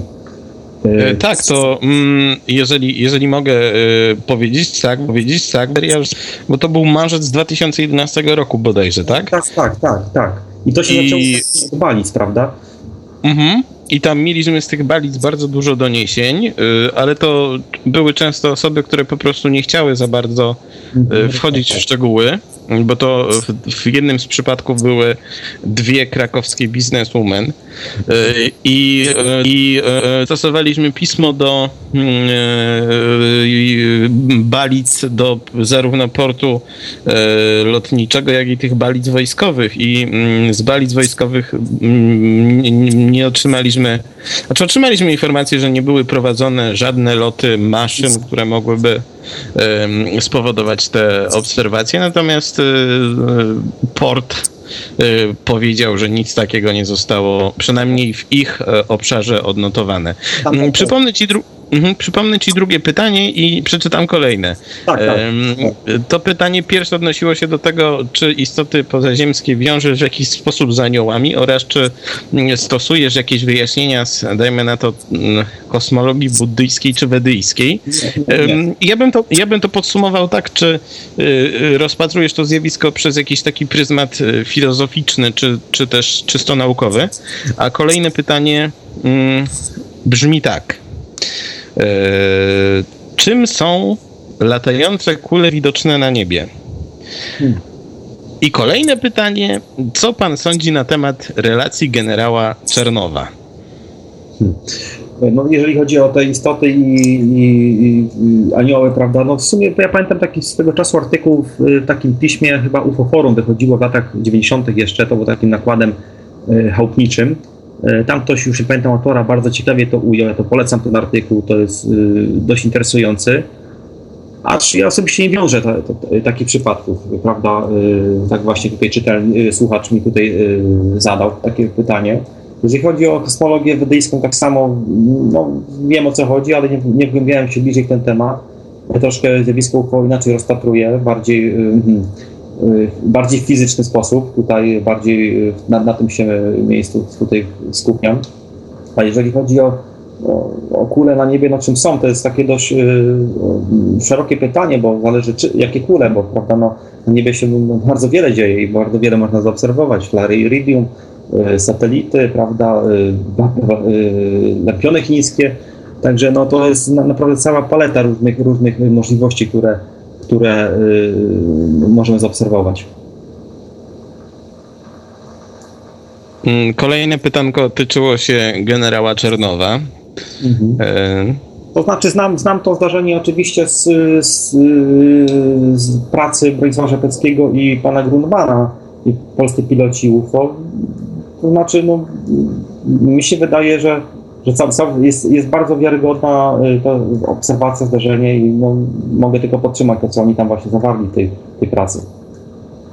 Ja myślę, czy... że, że, y, że takich zdarzeń jest bardzo wiele. No, też otrzymywałem powiedzmy z, z pewnych źródeł tak samo, ale no wiadomo, to, to jest sprawy wojskowe, utajnione i no, wojsko dość hermetycznie zamyka takie, y, takie zdarzenia, także ja myślę, że zobaczcie, że w latach 50. i wcześniejszych jakby bardziej wy, wy, wypływały te zdarzenia. W tej chwili praktycznie w ogóle, w ogóle tego nie ma. W ogóle nie ma e, żadnych... Mhm. No właśnie. E, taka sprawa. E, my zauważyliśmy, że mm, rzeczywiście od, od czasu wstąpienia do NATO to właściwie e, nie napływają żadne mm, nowe relacje pilotów. Jak sądzisz, Arku, czy polskie wojsko dzisiaj w jakiś sposób zbiera te informacje i mm, czy nie uważasz, że y, oni mogą troszkę przyglądać się tej twojej działalności y, związanej z y, odnotowywaniem obecności Noli nad Podkarpaciem? Bo przecież de facto część z tych obiektów może być pojazdami y, no, szpiegowskimi. W każdym razie czymś, co narusza tą przestrzeń powietrzną, a z drugiej strony mm, obce, że tak powiem, e, obce, obce mocarstwa mogą interesować się również tym, że skoro Podkarpacie e, ma tyle tych, tych obserwacji, to też musi być tam mm, stosunkowo dziurawa ta strefa powietrzna i stosunkowo łatwo tam dotrzeć. Nie sądzisz, że, że wojsko może się z jednej strony interesować nieco tym, e, tą sprawą? Tak, tak, jak najbardziej. E, właśnie tutaj mnie zadziwiają te obserwacje, w szczególności nad Rzeszowem, bo są tak ostatnimi czasy bardzo dziwne te zdarzenia. Nocne y, obserwacje jakichś y, trójkątnych obiektów. Y, także nie wykluczam, jeżeli chodzi o obserwacje nad Rzeszowem, nie wykluczam, że wszystko to jest związane tylko i wyłącznie z UFO, które się równa Madyni Kosmici, prawda? To dlatego nie wykluczam. Sądzę, że nawet być możliwe, że niektóre zdarzenia są związane właśnie z udziałem wojska, tylko że że, które, to, które to właśnie są. To jest właśnie ten problem. Bo wiadomo, że y, oficjalnie się tego, do tego nie, nie, nikt nie przyzna. To jest, no, to jest taki ten minus tego, tej naszej pracy. Także tu, tu chodzimy troszeczkę po takich, y, po takiej cienkiej linie. Poruszamy się. Mhm. A mm, w ostatnim czasie odnotowujemy mm, taką zwiększoną ilość doniesień o latających trójkątach. Y, znasz na pewno te sprawy. Mm, co sądzisz o tych, o tych wydarzeniach? Czy w UFO nad Podkarpaciem również znajdziemy opisy tych wydarzeń?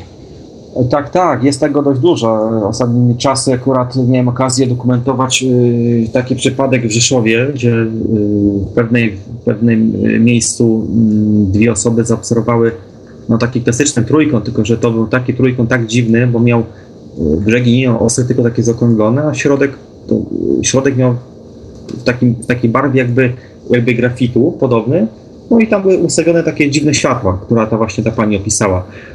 I to było o tyle dziwne, że przecież ten obiekt był obserwowany o trzeciej w nocy. Rzeczów jest no, nie małym miastem, jednak takie coś powinno być obserwowane przez setki ludzi, mimo że była trzecia w nocy, jednak, jednak yy, pracują taksówkarze, inni yy, ludzie się poruszają po mieście. No mimo wszystko nagłośnienia tej, tego zdarzenia w lokalnych mediach, rzeszowskich między innymi, no nikt się do mnie nie zgłosił. Także yy, owszem, pojawiają się takie zdarzenia, Między innymi pamiętam, dokumentowałem też yy, taką obserwację z, nad, nad piennikiem, tam mm, taki porusza, tam był obserwowany taki klasyczny trapez. To jest właśnie taka jedyna obserwacja y, trapezu y, tutaj u mnie na Podkarpaciu. Do obserwacji doszło praktycznie o zmierzchu, gdzie jeszcze no, nie było całkowicie ciemno. Świadkami było y, dwoje takich starszych osób, małżeństwo. Ja to dość ładnie tam ująłem tutaj właśnie w książce, opisałem to wszystko i ten pan jeszcze miał na tyle y, sprytu i odwagi, że dość szybko zadzwonił na, na, do portu lotniczego Jasionki i się pytał, czy oni to widzą po prostu na radarach, czy ewentualnie widzą to wzrokowo, bo to właśnie się oddalało w kierunku portu lotniczego Jasionka. No ale oczywiście odpowiedź była negatywna, że nic takiego nie widzą i wtedy ten pan zaczął szukać tutaj informacji w internecie, akurat na, na, na, moj, na mojego bloga i tak żeśmy się poznali. Także jest takich kilka zdarzeń y, opisanych i wspomnianych tu na Podkarpaciu. A powiedz mi, Jarku, y, bo y, rozmawialiśmy y, i opisałeś mi coś, y, taką dość dziwną historię związaną z zachowaniem pewnej y, dziennikarki, tudzież dziennikarzyny z Gazety Wyborczej, która tak za bardzo, która chciała z jednej strony zrobić z tobą wywiad, a z drugiej strony, y, nie wiem, bała się, bo mówiła, że to są śmieszne tematy. My wielokrotnie przerabialiśmy właśnie ten temat kontaktu ufologów z dziennikarzami, tymi dzisiejszymi dziennikarzami. Bo nie oszukujmy się, że jeszcze w latach 90., pod rok 2000 i za PRL-u to było zupełnie inaczej. E, no. Dziennikarz to był ktoś, kto miał taką świadomość, że pisze dla ludzi. Natomiast dzisiaj się to zmieniło i my na przykład często spotykamy się z, e, z prośbami jakichś dziennikarzy, którzy do nas piszą, a my potem e, nie rozpoznajemy tego, co powiedzieliśmy. Mm, I tutaj też tobie się coś takiego przydarzyło. No tak. mm, natomiast chciałbym, chciałbym zapytać, jak, jak reagują lokalne media na, na te doniesienia? To znaczy, ja akurat y, no, od, od, wielu lat się tutaj właśnie mm, informuję w lokalnych mediach, wysyłam swoje apele, jakieś tam krótkie zmianki, prawda? Y, różnie podchodzą. Na przykład ostatnim czasie, właśnie jak tutaj wspomniałeś, no też miałem propozycję wywiadu, reportażu pani troszkę redaktor z uśmiechem ujęła to całe zjawisko, prawda, którym się my zajmujemy. Yy, może to nie było aż na tyle takie grzeczne, bym tu powiedział, no ale no niestety tacy są dziennikarze, no oni mają zrobić materiał i tylko to ich interesuje, byle żeby tylko sensacja była. Także... No wiesz, Arku, jak... Jeżeli chodzi o rzetelność... Jak... To, uh-huh. No, no, no, jeżeli chodzi o rzetelność jeszcze, to mam taką, no, na, na, naprawdę taką prośbę do dziennikarzy, jeżeli na przykład my podajemy im informacje, to żeby pisali naprawdę to, co my im podajemy, a nie żeby z tego jeszcze przerabiali na, swoje, na swój sposób. I z tego potem wychodzi na to, że, że my albo my nie umiemy przekazywać informacji, czy nam na przykład dokumentować zdarzenia. No już tak miałem tego roku właśnie na, na Dzień UFO, pamiętam, to było chyba 2 lipca, także to wyszło takie miszmasz z tego wszystkiego, że, że yy, potem dzwoniło do mnie radio, yy, chyba jedynka też na reportaż, no niestety odmówiłem, no bo tak się niektóre media zachowują, że no, no niefajny, niefajny sposób. No właśnie, ale wiesz też czego wymagać, nie? Jak, jak yy, taka dziennikarka całe życie pisze o festynach albo tam o Dniu Strażaka w jakichś kutaszycach albo gdzieś, a potem przychodzi do tematu UFO i ona nie wie, co ze sobą począć. Ale no to już pomińmy, pomińmy to. Mm, kolejny... Jesteśmy właśnie mhm. my tego, żeby właśnie media, ok, niech informują, ale na przykład no, my się nie znamy prawda, na nauce takiej i takiej, no to nie, nie wypowiadamy się w tej, w tej materii, prawda? A oni jednak skoro piszą takie tematy i, i poddają tu właśnie jakiejś analizie krytycznej czy, czy innej, no to powinni się troszeczkę jednak z naszym zdaniem tutaj liczyć. Tym bardziej, że nie, nie pchamy się na, na, na jakąś sensację. Chcemy to rzetelnie przedstawić, w rzetelny sposób. Przynajmniej mm -hmm. tak. Arku, Arku, mm, zbliżamy się już do bardzo późnej godziny, nam się to strasznie przeciągnęło, ale wydaje mi się, że ta audycja się e, podoba, o czym świadczy mm, taka duża ilość słuchaczy. E, Będą jeszcze trzy pytanka w ogóle, ale ja bym też chciał Cię zachęcić do tego, żebyśmy częściej organizowali coś, takie spotkania. Między innymi na radiu. Nie tylko z Tobą, ale na przykład też z Damianem Trelą czy, czy z innymi badaczami. Kolejne pytanka, Arku. Pierwsze brzmi: Czy sądzi Pan, że obserwacje sztucznych satelit umieszczonych przez ludzi na orbicie może być przyczyną zgłoszeń o UFO. To takie pytanie jest dość, e, bym powiedział, szkolne. A drugie brzmi, mm, jak autor odnosi się do kwestii ezoteryki e, channelingów? Jeżeli chodzi o pierwsze zapytanie, no, no owszem, spotyka się. No, często chodzę sam na obserwacje, na przykład z tego roku chodziłem z, z, grupą tam kilku osób, no i też y, obserwowali różnego rodzaju satelity, na przykład w szczególności Plary i Iridium, które naprawdę dają świetne efekty, no ale to są tylko jednak satelity i tutaj trzeba y, sobie jasno powiedzieć, czym jest satelita, czym nie. No, jeżeli coś lata z zygzakiem, no to już y, po niebie się porusza, no to już y, ciężko tym mówić o satelicie. Także yy, jest spora, spora liczba jest takich doniesień, ale, ale na tyle ludzie są już, mi się daje, w tym momencie zorientowani, uświadomieni, że, że chyba wiedzą, czym jest satelita, jak wygląda, że leci ruchem prostoliniowym i, i no, jej wygląd jest dość charakterystyczny. Yy, drugie pytanie. Drugie pytanie odnosiło się do kwestii y, channelingów, a ja mam jeszcze trzecie pytanie, może je zadam teraz. Arku, na mm, bardzo krótko przed y, publikacją UFO nad Podkarpaciem wdałeś się w dyskusję z pewnym E, powiedzmy to mało doświadczonym e, przedstawicielem Centrum Nauki Kopernik, który bodajże twierdził, że UFO to mit nie poparty żadnymi materiałami. Jeżeli źle mówię, to mnie popraw. E, to no. też taka dość śmieszna, śmieszna sytuacja wyniknęła, bo no, pan był troszkę niedoinformowany, prawda? Mm, możesz nam opowiedzieć o tym? To tak, tak. No może nie będę wymieniał tutaj nazwiska, prawda, bo na moim blogu jest to wszystko y, podane, chociaż bośmy z tym panem ja y, korespondowałem, mam tutaj te maile, wszystko u siebie, w swojej skrzynce pocztowej. Y, znaczy, owszem, faktycznie ja tutaj popełniłem gafę, trzeba się tego przyznać, jeżeli chodzi o określanie lat świetnych, tutaj popełniłem gafę w radiu, no i bardzo fajnie mi ten ten pan Karol sprostował tutaj, za co mu serdecznie dziękuję, bo no, jeśli ktoś na to nie zna, to, to jednak powinien się też informować u naukowców. Ale pan Karol zadał właśnie takie pytania na temat UFO związane właśnie, że według niego tam jest to powiedziane, że według niego to UFO to jest jednak podlega wierze, a nie badaniu, że tak naprawdę nie, nie, nie, nie UFO nie było badane y, w żaden sposób i i to jest y, tylko wiara, a nie badanie. No tutaj, jak wiecie wszyscy i na, na pewno słuchacze tak samo, to jest nieprawda.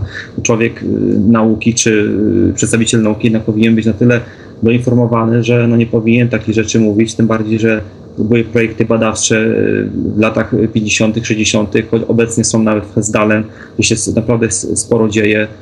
No, wszystko można przeczytać w internecie i no, nie, nie wiem, jak można było tak napisać w ogóle. No ale to jest jego prywatne zdanie i może mieć taką opinię, prawda? My mamy inną na ten temat. Tylko, że jeżeli się coś e, neguje, krytykuje, to mi się wydaje, że się powinno troszkę sięgnąć do źródła, zanim się coś powie nie, prawda? Tak mi się tak wydaje. Mhm. A, Powiedz mi, mm, powiedz mi, Arku, mm, no właściwie zbliżamy się do 21.30, a tutaj widzę, że nasi słuchacze się rozochocili i chcą zadawać pytanie. Ja przypomnę tym, którzy właśnie się pojawili, że naszym gościem jest Arkadiusz Miazga, ufolog z Robczyc, który wydał niedawno książkę UFO nad Podkarpaciem. Podkreślam, same fakty, same fakty. Jeżeli ktoś ma pytania do Arka, y, może je zadać, a jak je może zadać, no, to nam za no. chwilę powie Marek. No właśnie, y, dzisiaj jest specjalna audycja. Można wygrać. Autorzy najciekawszych pytań mają szansę wygrać e-booka UFO nad Podkarpaciem, tom pierwszy, ponad 200 stron faktów, faktów i jeszcze raz faktów a pytania do Arkadiusza Miazgi można zadawać e, poprzez nasze kontakty, jest ich kilka.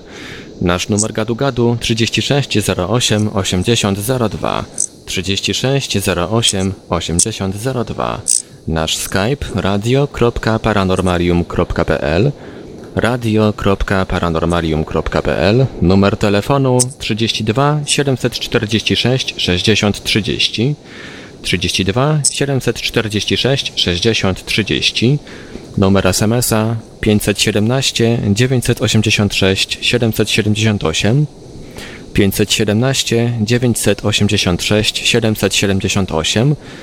Można również zadawać pytania i komentować na naszym czacie na stronie www.radioparanormalium.pl www.radioparanormalium.pl Czekamy na pytania do Arkadiusza Miazgi.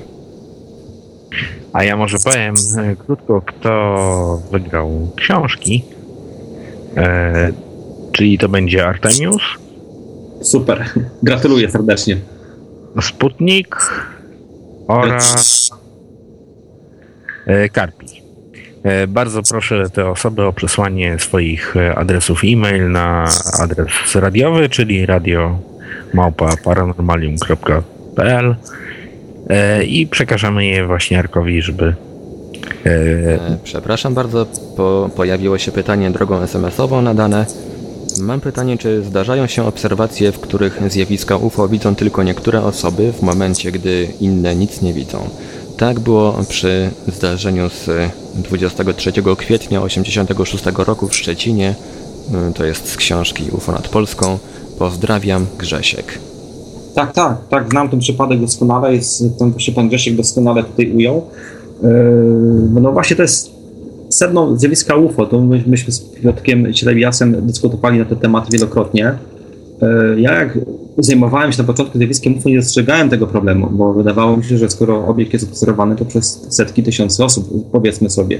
A były takie zdarzenia, na przykład osobiście dotarłem do, już do, do wielu takich zdarzeń w przeciągu tych 17 lat, gdzie na przykład yy, pewna pani, ja przypadam przykład z Baranówki, pewna pani idąc yy, w piękny yy, czerwcowy dzień, widzi taki klasyczny, taki owalny, błyszczący obiekt i tylko ona to widzi. Dziewczyna, która szła z psem przed nią, ona tego nie zobaczyła. Ona, ta pani nie miała nawet śmiałości się zapytać, podejść do niej, czy ta dziewczyna to też widziała co ona. Ona nawet stwierdziła może, że zwariowała, tylko że to obserwowała 3 minuty, także ciężko tutaj posądzić o jakieś widy o mamy czy innego rodzaju tego, y, jakieś y, innego zdarzenia. Ale to jest właśnie analogia tego, tych, tego typu zdarzeń, bo tutaj na Podkarpaciu, między innymi w Rzeszowie, y, czy w innych rejonach Podkarpacia wielokrotnie takie rzeczy się, rzeczy, miały miejsca. Szczególnie mi teraz utkwił taki przypadek w miejscowości Wyżne Połomia, gdzie pewna pani jadąc autobusem do, do Sanoka zobaczyła bardzo dziwne zjawisko, bardzo blisko drogi. I ona była tak zdziwiona y, tym wszystkim, że już nie tyle zjawiskiem, tylko że tego, że tego zjawiska nikt nie obserwował oprócz niej. No właśnie y, opis tego zdarzenia jest bardzo ładnie opisany w mojej książce.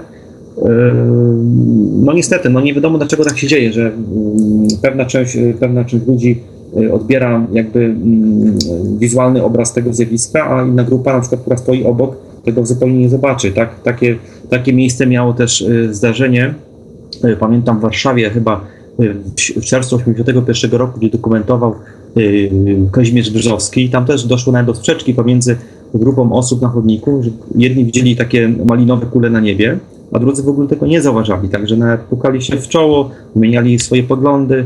No, to jest właśnie jeden z czynników właśnie zjawiska UFO, taki bardzo ciekawy, co właśnie ostatnimi czasami szczególnie właśnie zaczął interesować.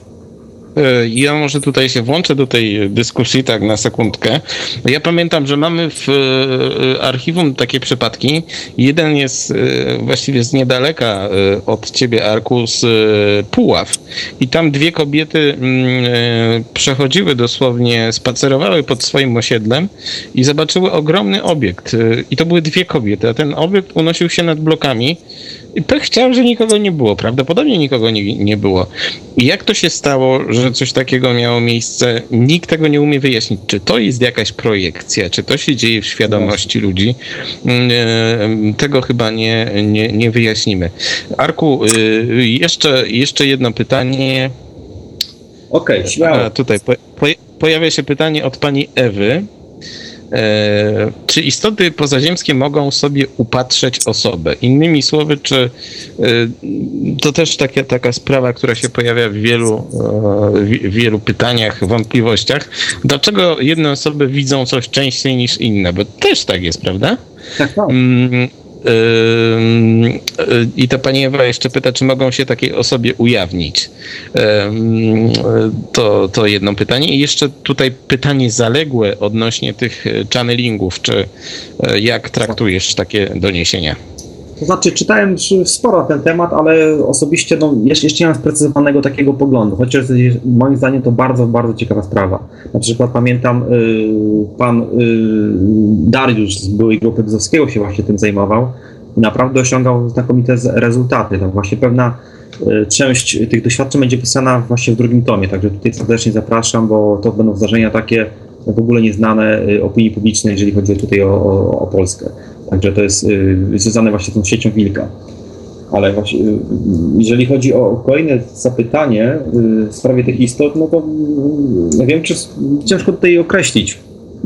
Są, są zdarzenia wiadome w ufologii światowej, gdzie wprost widać, że zjawisko UFO wręcz od dzieciństwa sobie upodabnia jakąś osobę czy rodzinę. Ja na przykład dotarłem do takiej rodziny w, w okolicach Wyletowa z Damianem Trelą i jak się okazało, z pokolenia na pokolenie tam właśnie były notoryczne obserwacje UFO, czy no, no, nie wiadomo, bo na przykład mogły być jakieś wzięcia, no to, chociaż ja do wzięć jestem bardzo mocno y, sceptyczny tutaj ostatnimi czasy, żeśmy sobie na, na forum dość szeroko to opisali i dość y, no, sceptycznie do tego podchodzę. Oczywiście nie, nie, nie mówię, y, że, że, że to nie następuje, tylko problem to to wykonuje, bo nie można też e, wykluczyć, że jednak to jest działanie jakieś, e, no, jakichś służb odpowiednich, które, nas, e, nas w jakiś sposób monitorują. Arku, kolejne pytanie. Czy mm, na Podkarpaciu miały miejsce takie przypadki, że UFO pozostawiało po sobie ślady fizyczne? Bo wiem, że to jest mm, pewna sfera Twoich zainteresowań, a z drugiej strony to są przypadki, które mm, no, mogą najłatwiej przekonać świat nauki. No tak, to są, jeżeli chodzi o przypadki właśnie fizycznych oddziaływań, yy, tego co nazywamy UFO czy innych zjawisk, to jest yy, chyba według mnie najlepszy, najlepszy dowód na, na potwierdzenie realności tego zjawiska, bo jeżeli miałbym się wyspecjalizować w ufologii, to właśnie chciałbym się w tym temacie, tak jak na przykład Ted Phillips yy, w Ameryce, w Stanach Zjednoczonych się wyspecjalizował i zebrał ponad 5000 zdarzeń z tego świata. Na Podkarpaciu Y, nie dochodziło do takich typowych właśnie, mm, to znaczy z drugiej ręki to mam informacje, że, że były takie ślady odciśnięte czy wypalone, ale to są informacje z drugiej ręki, czyli mniej wartościowe i dlatego nawet takich nie przedstawiałem w książce. Yy, ale z takich fizycznych oddziaływań to ja pamiętam tutaj właśnie w Ropczycach, gdzie mieszkam, to było w 97 roku w marcu, pewna mi, mi znajoma osoba, którą do dzisiaj znam, yy, ona wracała z praktyki szkolnej, czekając na autobus, zaobserwowała to była zima. Yy, zaobserwowała dziwny taki mm, około 3-metrowy świetlisty obiekt, jakby wykonany z plazmy. To było najciekawsze, że tam nastąpiły takie zjawiska yy, grawitacyjno-magnetyczne, ponieważ ona mając nas w kurtce takie zamki, te, te zamki zaczęły się odchylać w kierunku tego obiektu, tak jakby dosłownie mm, ten magnes wytwarzał jakiś ogromny magnes, y, ten obiekt właśnie. Y, kolejną taką rzeczą było zwrócenie uwagi świadka na to, że zalegające takie małe elementy metalowe na ulicy zaczęły się unosić i to nie tak, że nagle, tylko one tak podskakiwały delikatnie na, na tą jezdnię, także no to jest takie ciekawe zjawisko oddziaływania fizycznego tego y, na, na otoczenie. Ja osobiście miałem raz tylko okazję dokumentować takie zdarzenie y, koło Wisły w Dobce, tam y, to już nie jest na Podkarpaciu, ale to jest o tyle ciekawe, że udało mi się pobrać próbkę ziemi stamtąd i metodą właśnie Teda Philipsa y, rozpuścić w kontrolnej próbce z wodą, czyli próbkę pobraną 100 metrów dalej i tą właśnie z tego wypaleniska. Także no rzeczywiście to się potwierdziło co Teda Philipsa, że Y, tam ta ziemia z tego, że, że tak powiem, wypaleniska po UFO była y, pozbawiona wilgotności, kompletnie ona była sucha. Nie, nie, ona nie tonęła, utrzymywała się na, na, y, na, na, na, na tapli wodzie, wody. Także no, na Podkarpaciu było takich, ja w, w, tym momencie zaczynam tworzyć statystykę obserwacji na Podkarpaciu, wszystkie jakiekolwiek są, to jest naprawdę taka dość mudna y, praca. I z tego, co tutaj mam akurat w zeszycie wyszczególnione, to mam w tej chwili właśnie tych zdarzeń C2, czyli Y, interakcji UFO na otoczenie około chyba 9 albo 8 zdarzeń. Także no nie jest to dużo, ale to są naprawdę rzadkie, rzadkie rzeczy. A w obecnym czasie, w obecnej chwili to jest unikat na skalę już światową, można powiedzieć. E, tak. E, przypominam, że naszym gościem jest e, Arkadiusz Miazga, ufolog z Podkarpacia, m, autor książki zawierającej najciekawsze relacje na temat spotkań z niezidentyfikowanymi obiektami w tym rejonie. Przypominam, że można mu jeszcze przez krótki czas zadawać pytania. Arku, y, sprawa mm, ko kolejna. Mm, e, a to może Marek jeszcze przerwie i poda, w jaki sposób można się y, kontaktować i zadawać pytania, a ja za chwilę y, zadam kolejne. No tak, bo ja tutaj mam spisane wszystkie kontakty do Radia Paranormalium, a troszeczkę ich jest. Na pytania czekamy pod naszym numerem gadu gadu 36 08 80 02 36 08 80 02 na Skype'ie pod nickiem radio.paranormalium.pl radio.paranormalium.pl Nasz numer telefonu to 32 746 60 30 32 746 60 30, nasz SMS 517 986 778, powtórzę jeszcze raz. 517 986 778. Można również zadawać pytania na naszym czacie radio.paranormalium.pl radio.paranormalium.pl Troszeczkę tych kontaktów mamy, a to z tego względu, że no, podczas audycji, szczególnie na żywo, na żywo realizowanych, czasami zdarza się, że któryś z tych kontaktów nam ni, ni stąd, ni zowąd padnie. Nie wiem, czy to złośliwość rzeczy martwych, czy może jakaś akcja rządu światowego, ale w razie gdyby któryś kontakt nie działał, zawsze jeszcze są inne. Także czekamy na pytania do naszego gościa Arkadiusza Miaski. Ja mam może mhm, kolejne pytanko. E, z, związane z y, taką sprawą jak piktogramy, bo to też jest y, sprawa, o której w swojej książce dość obszernie wspominasz. Wiele osób może uważać, że właściwie wiele osób chyba tak uważa, że piktogramy to zjawisko jakoś tak bardzo blisko powiązane z niezidentyfikowanymi obiektami, że to nawet są jakieś tam ślady, wygnioty i tak dalej. No, często jest to mm, pogląd lansowany przez samych ufologów, ale z drugiej strony mm, wiadomo, mm, e, bo mi się tutaj pojawia kolejne pytanie. Ja zadam swoje i przeczytam jeszcze jedno. Arku, mm, co sądzisz, czym są piktogramy zbożowe? Dlaczego w tym roku i właściwie w kilku latach poprzednich nie zauważyliśmy żadnych ciekawych formacji? Ale z drugiej strony, mm, w, swojej książce wspominasz też o sprawach, y, kiedy e, świadkowie y, lub też osoby, które mieszkały w pobliżu piktogramu, obserwowały nad nimi jakieś dziwne obiekty. A tutaj, mm, tutaj e, pisze Maciej B. Kolejne pytanie, czy spotkał się e, pan, e, to już chyba było powiedziane, czy spotkał się pan z wypalonymi w ziemi kręgami?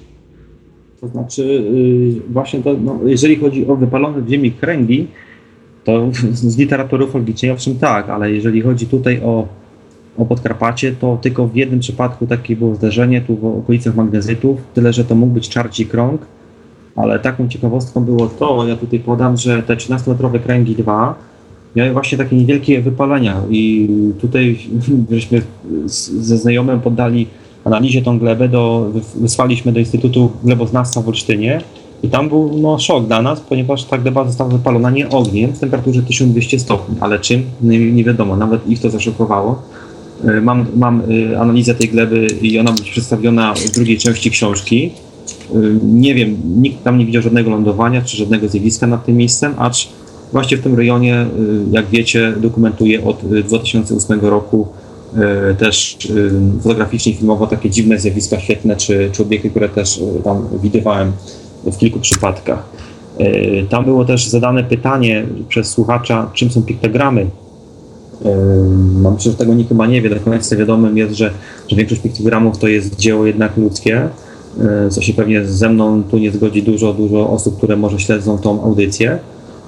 Ja z perspektywy czasu jednak tutaj bardziej akceptuję tą, ten czynnik ludzki, tylko oczywiście nie w, w 100%, bo wiadomo, że, że tak na przykład piktogram w Kielenówce, tu gdzie tu komentowałem, tam Piotr wspominał, że unosiło się kilka obiektów. Tak, to jest prawda. Tam od godziny 22 do prawie do 4 nad ranem różne osoby z różnych krańców Kielanówki obserwowały przedziwne zjawiska świetne nad, nad, tym, nad tym polem. No, dziś mógłby ktoś mi tutaj powiedzieć, że no bo to były lampiony chińskie, ale wtedy nie było lampionów, także no, to były dość takie dość duże obiekty realne yy, i to nie tylko w tym przypadku, bo ja pamiętam yy, też yy, takie było ciekawe zjawisko koło Wysokiej Głogowskiej, tam powstał piktogram, który no, zrobiło coś jakby na, coś ala trąba powietrzna, bo yy, kombajnista, który kosił to zboże, tylko troszkę podal dalej, to był w dzień, właśnie coś tam widział nad tym polem, coś takiego kręcącego się jak trąba powietrzna. Tyle, że to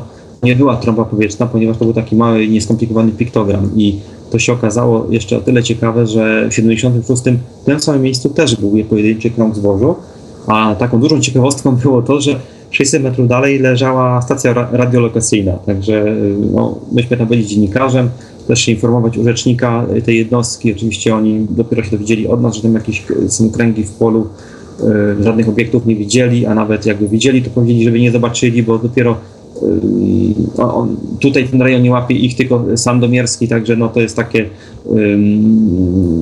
może błędne nawet informowanie nas, to bym powiedział.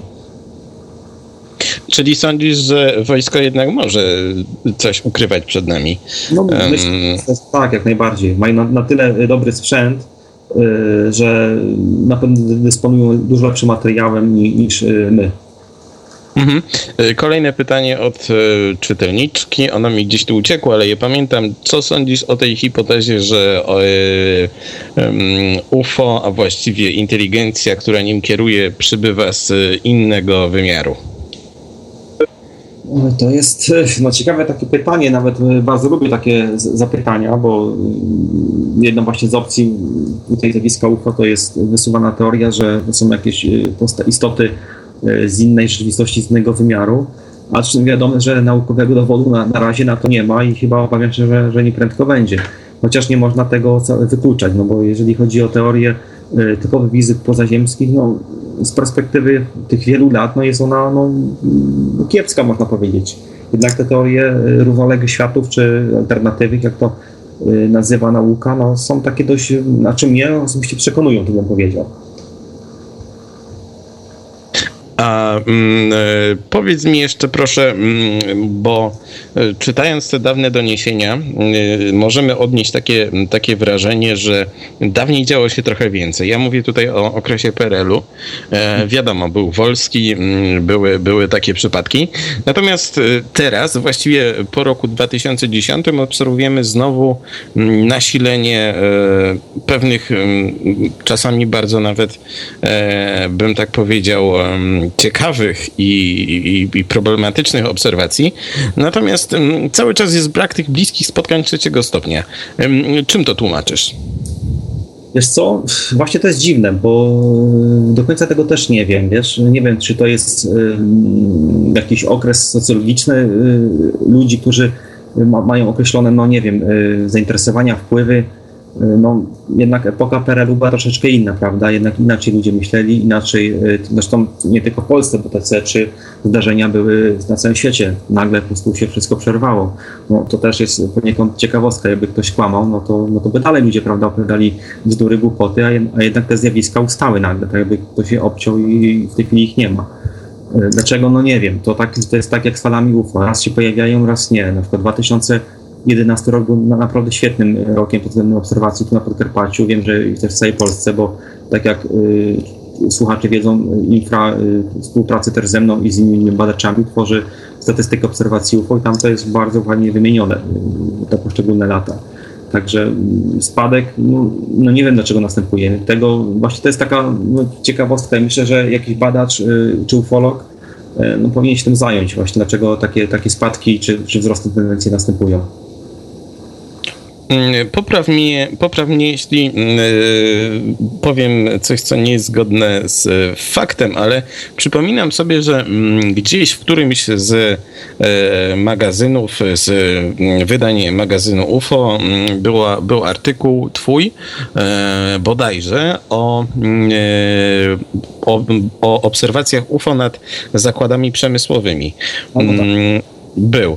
I mm, mam teraz takie pytanie w związku z y, tymi słynnymi y, robczyckimi magnezytami, e, dlatego że to jest miejsce, gdzie również dochodzi do bardzo częstych obserwacji dziwnych zjawisk. Ja tutaj może nie użyję słowa UFO, dlatego że wiele osób może mieć tutaj e, od razu skojarzenia z, mm, z jakimiś tam istotami nie z tego świata, natomiast dochodzi tam do obserwacji pewnych dziwnych mm, obiektów.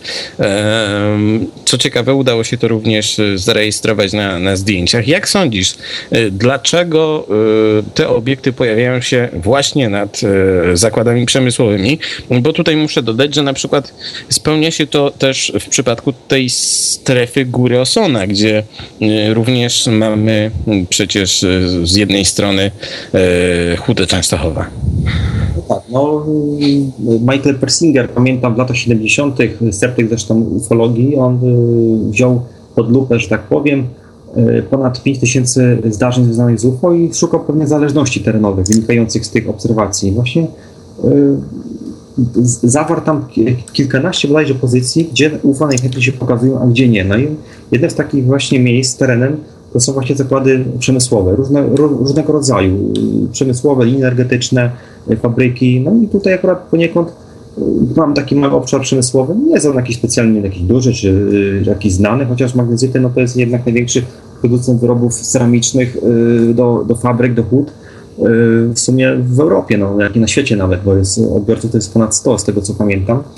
I jeszcze świętej pamięci Kazimierz Brzozowski mnie zachęcił właśnie do rejestracji takich, takich zjawisk zwykłym aparatem. No, to, to były takie próby dość takie chałupnicze, Y, wielokrotnie się udawały. Człowiek stracił sporo pieniędzy, bo to były jeszcze te klisze, prawda? Pamiętacie doskonale. Y, ale to była fajna przygoda, naprawdę. Były takie wypady w teren, to jest no, coś niesamowitego. Y, owszem, od 2008 roku się troszkę zacząłem tym poważnie interesować, a moim takim no, cichym marzeniem jest budowanie monitoringu takiego troszkę lepszego. Coś, coś na podobieństwo właśnie jak buduje Gerhard Groschel, Y, z sekcji mufonu niemieckiego. Y, to, to jest monitoring składający się z kamer, y, pokazujących pomiar pola magnetycznego czy grawitacyjnego, ale na przykład teraz w sierpniu odbyłem kilkanaście wizyt nocnego, miałem akurat wtedy troszkę czasu różnymi znajomymi i się udało na przykład zarejestrować dziwne właśnie zjawiska leżące poza światem widzialnym tam właśnie w okolicach magnezytów. I co jest to dziwne, taka, taka pewna reguła, że one zazwyczaj się znajdują nisko nad ziemią. I jakie jest jego pochodzenie, nie wiem. Nie, nie wiążę je absolutnie właśnie z typowymi wizytami y, kosmicznych gości, w cudzysłowie.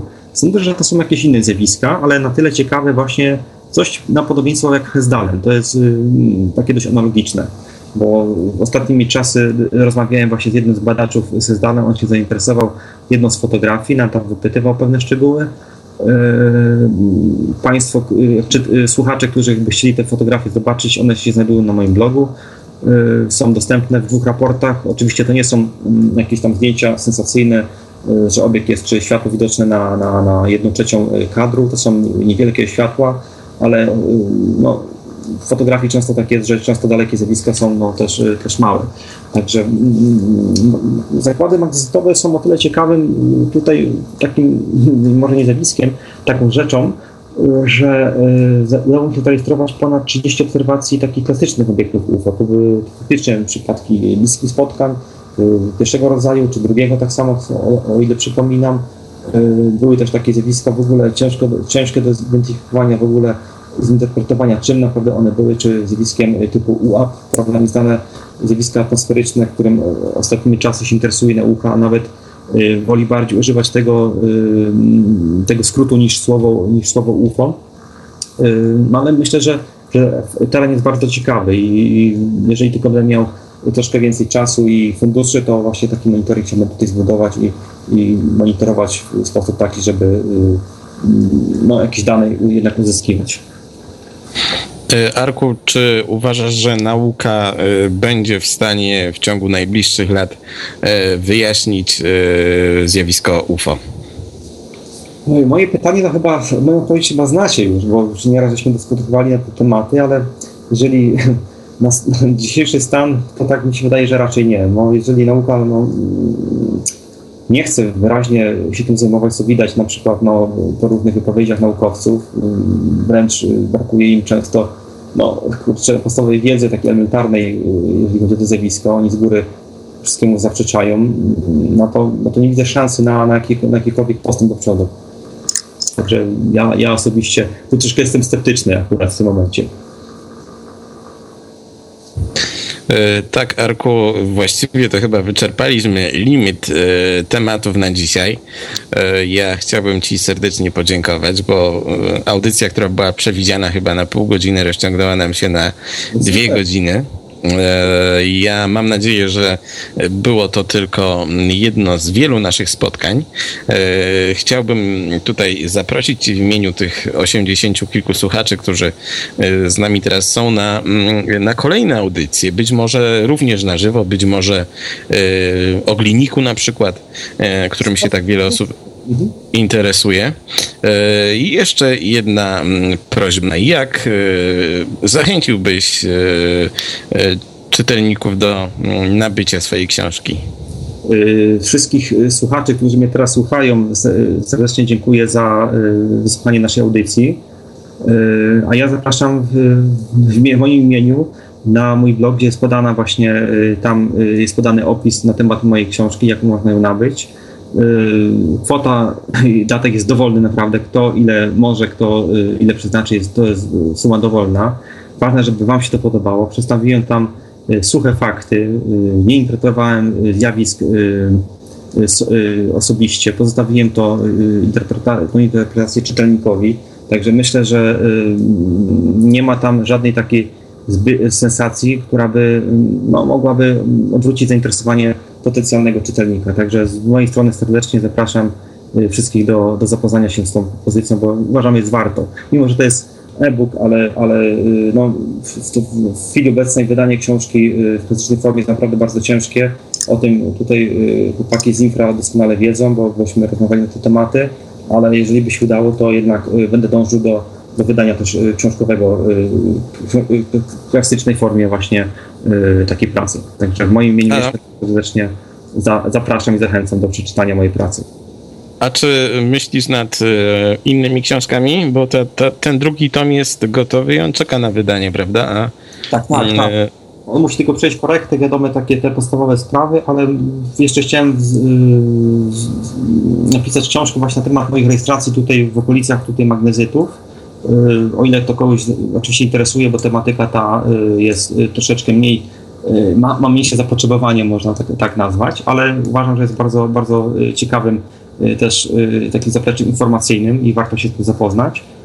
Też planuję w przyszłości zebrać, napisać książkę, jakąś krótką pracę na temat zdarzeń, gdzie zjawisko UFO ingerowało fizycznie właśnie mm, w otoczenie. Tak, już, już te przypadki powolutku zbieram. One są niektóre znane, wiadome, bo na przykład sprawa Milcina, czy tam e, innych zdarzeń tutaj, które wymienione są w nad Polską, ale też osobiście dotarłem do innych zdarzeń i właśnie chciałbym je przedstawić. To jest, już mam ponad chyba 35 e, obserwacji tego typu. Także to może kiedyś przy czasie napiszę w przyszłości, no i też mam w planie coś napisać na temat glinika. Tutaj tak może tu się uśmiechnę w stronę Piotra, bo bo może by mi y, coś y, wspólnie pomógł, tak żebyśmy stworzyli takie wspólne, małe takie dzieło. Hej, bardzo chętnie, dlatego że mm, to, co wiem o Gliniku y, i co jeszcze nie zostało powiedziane, to rzeczywiście jest materiał na książkę, która brzmi po prostu jak mm, polski odpowiednik Rancha Skinwalkera. E, a momentami jest nawet jeszcze dziwniejsze.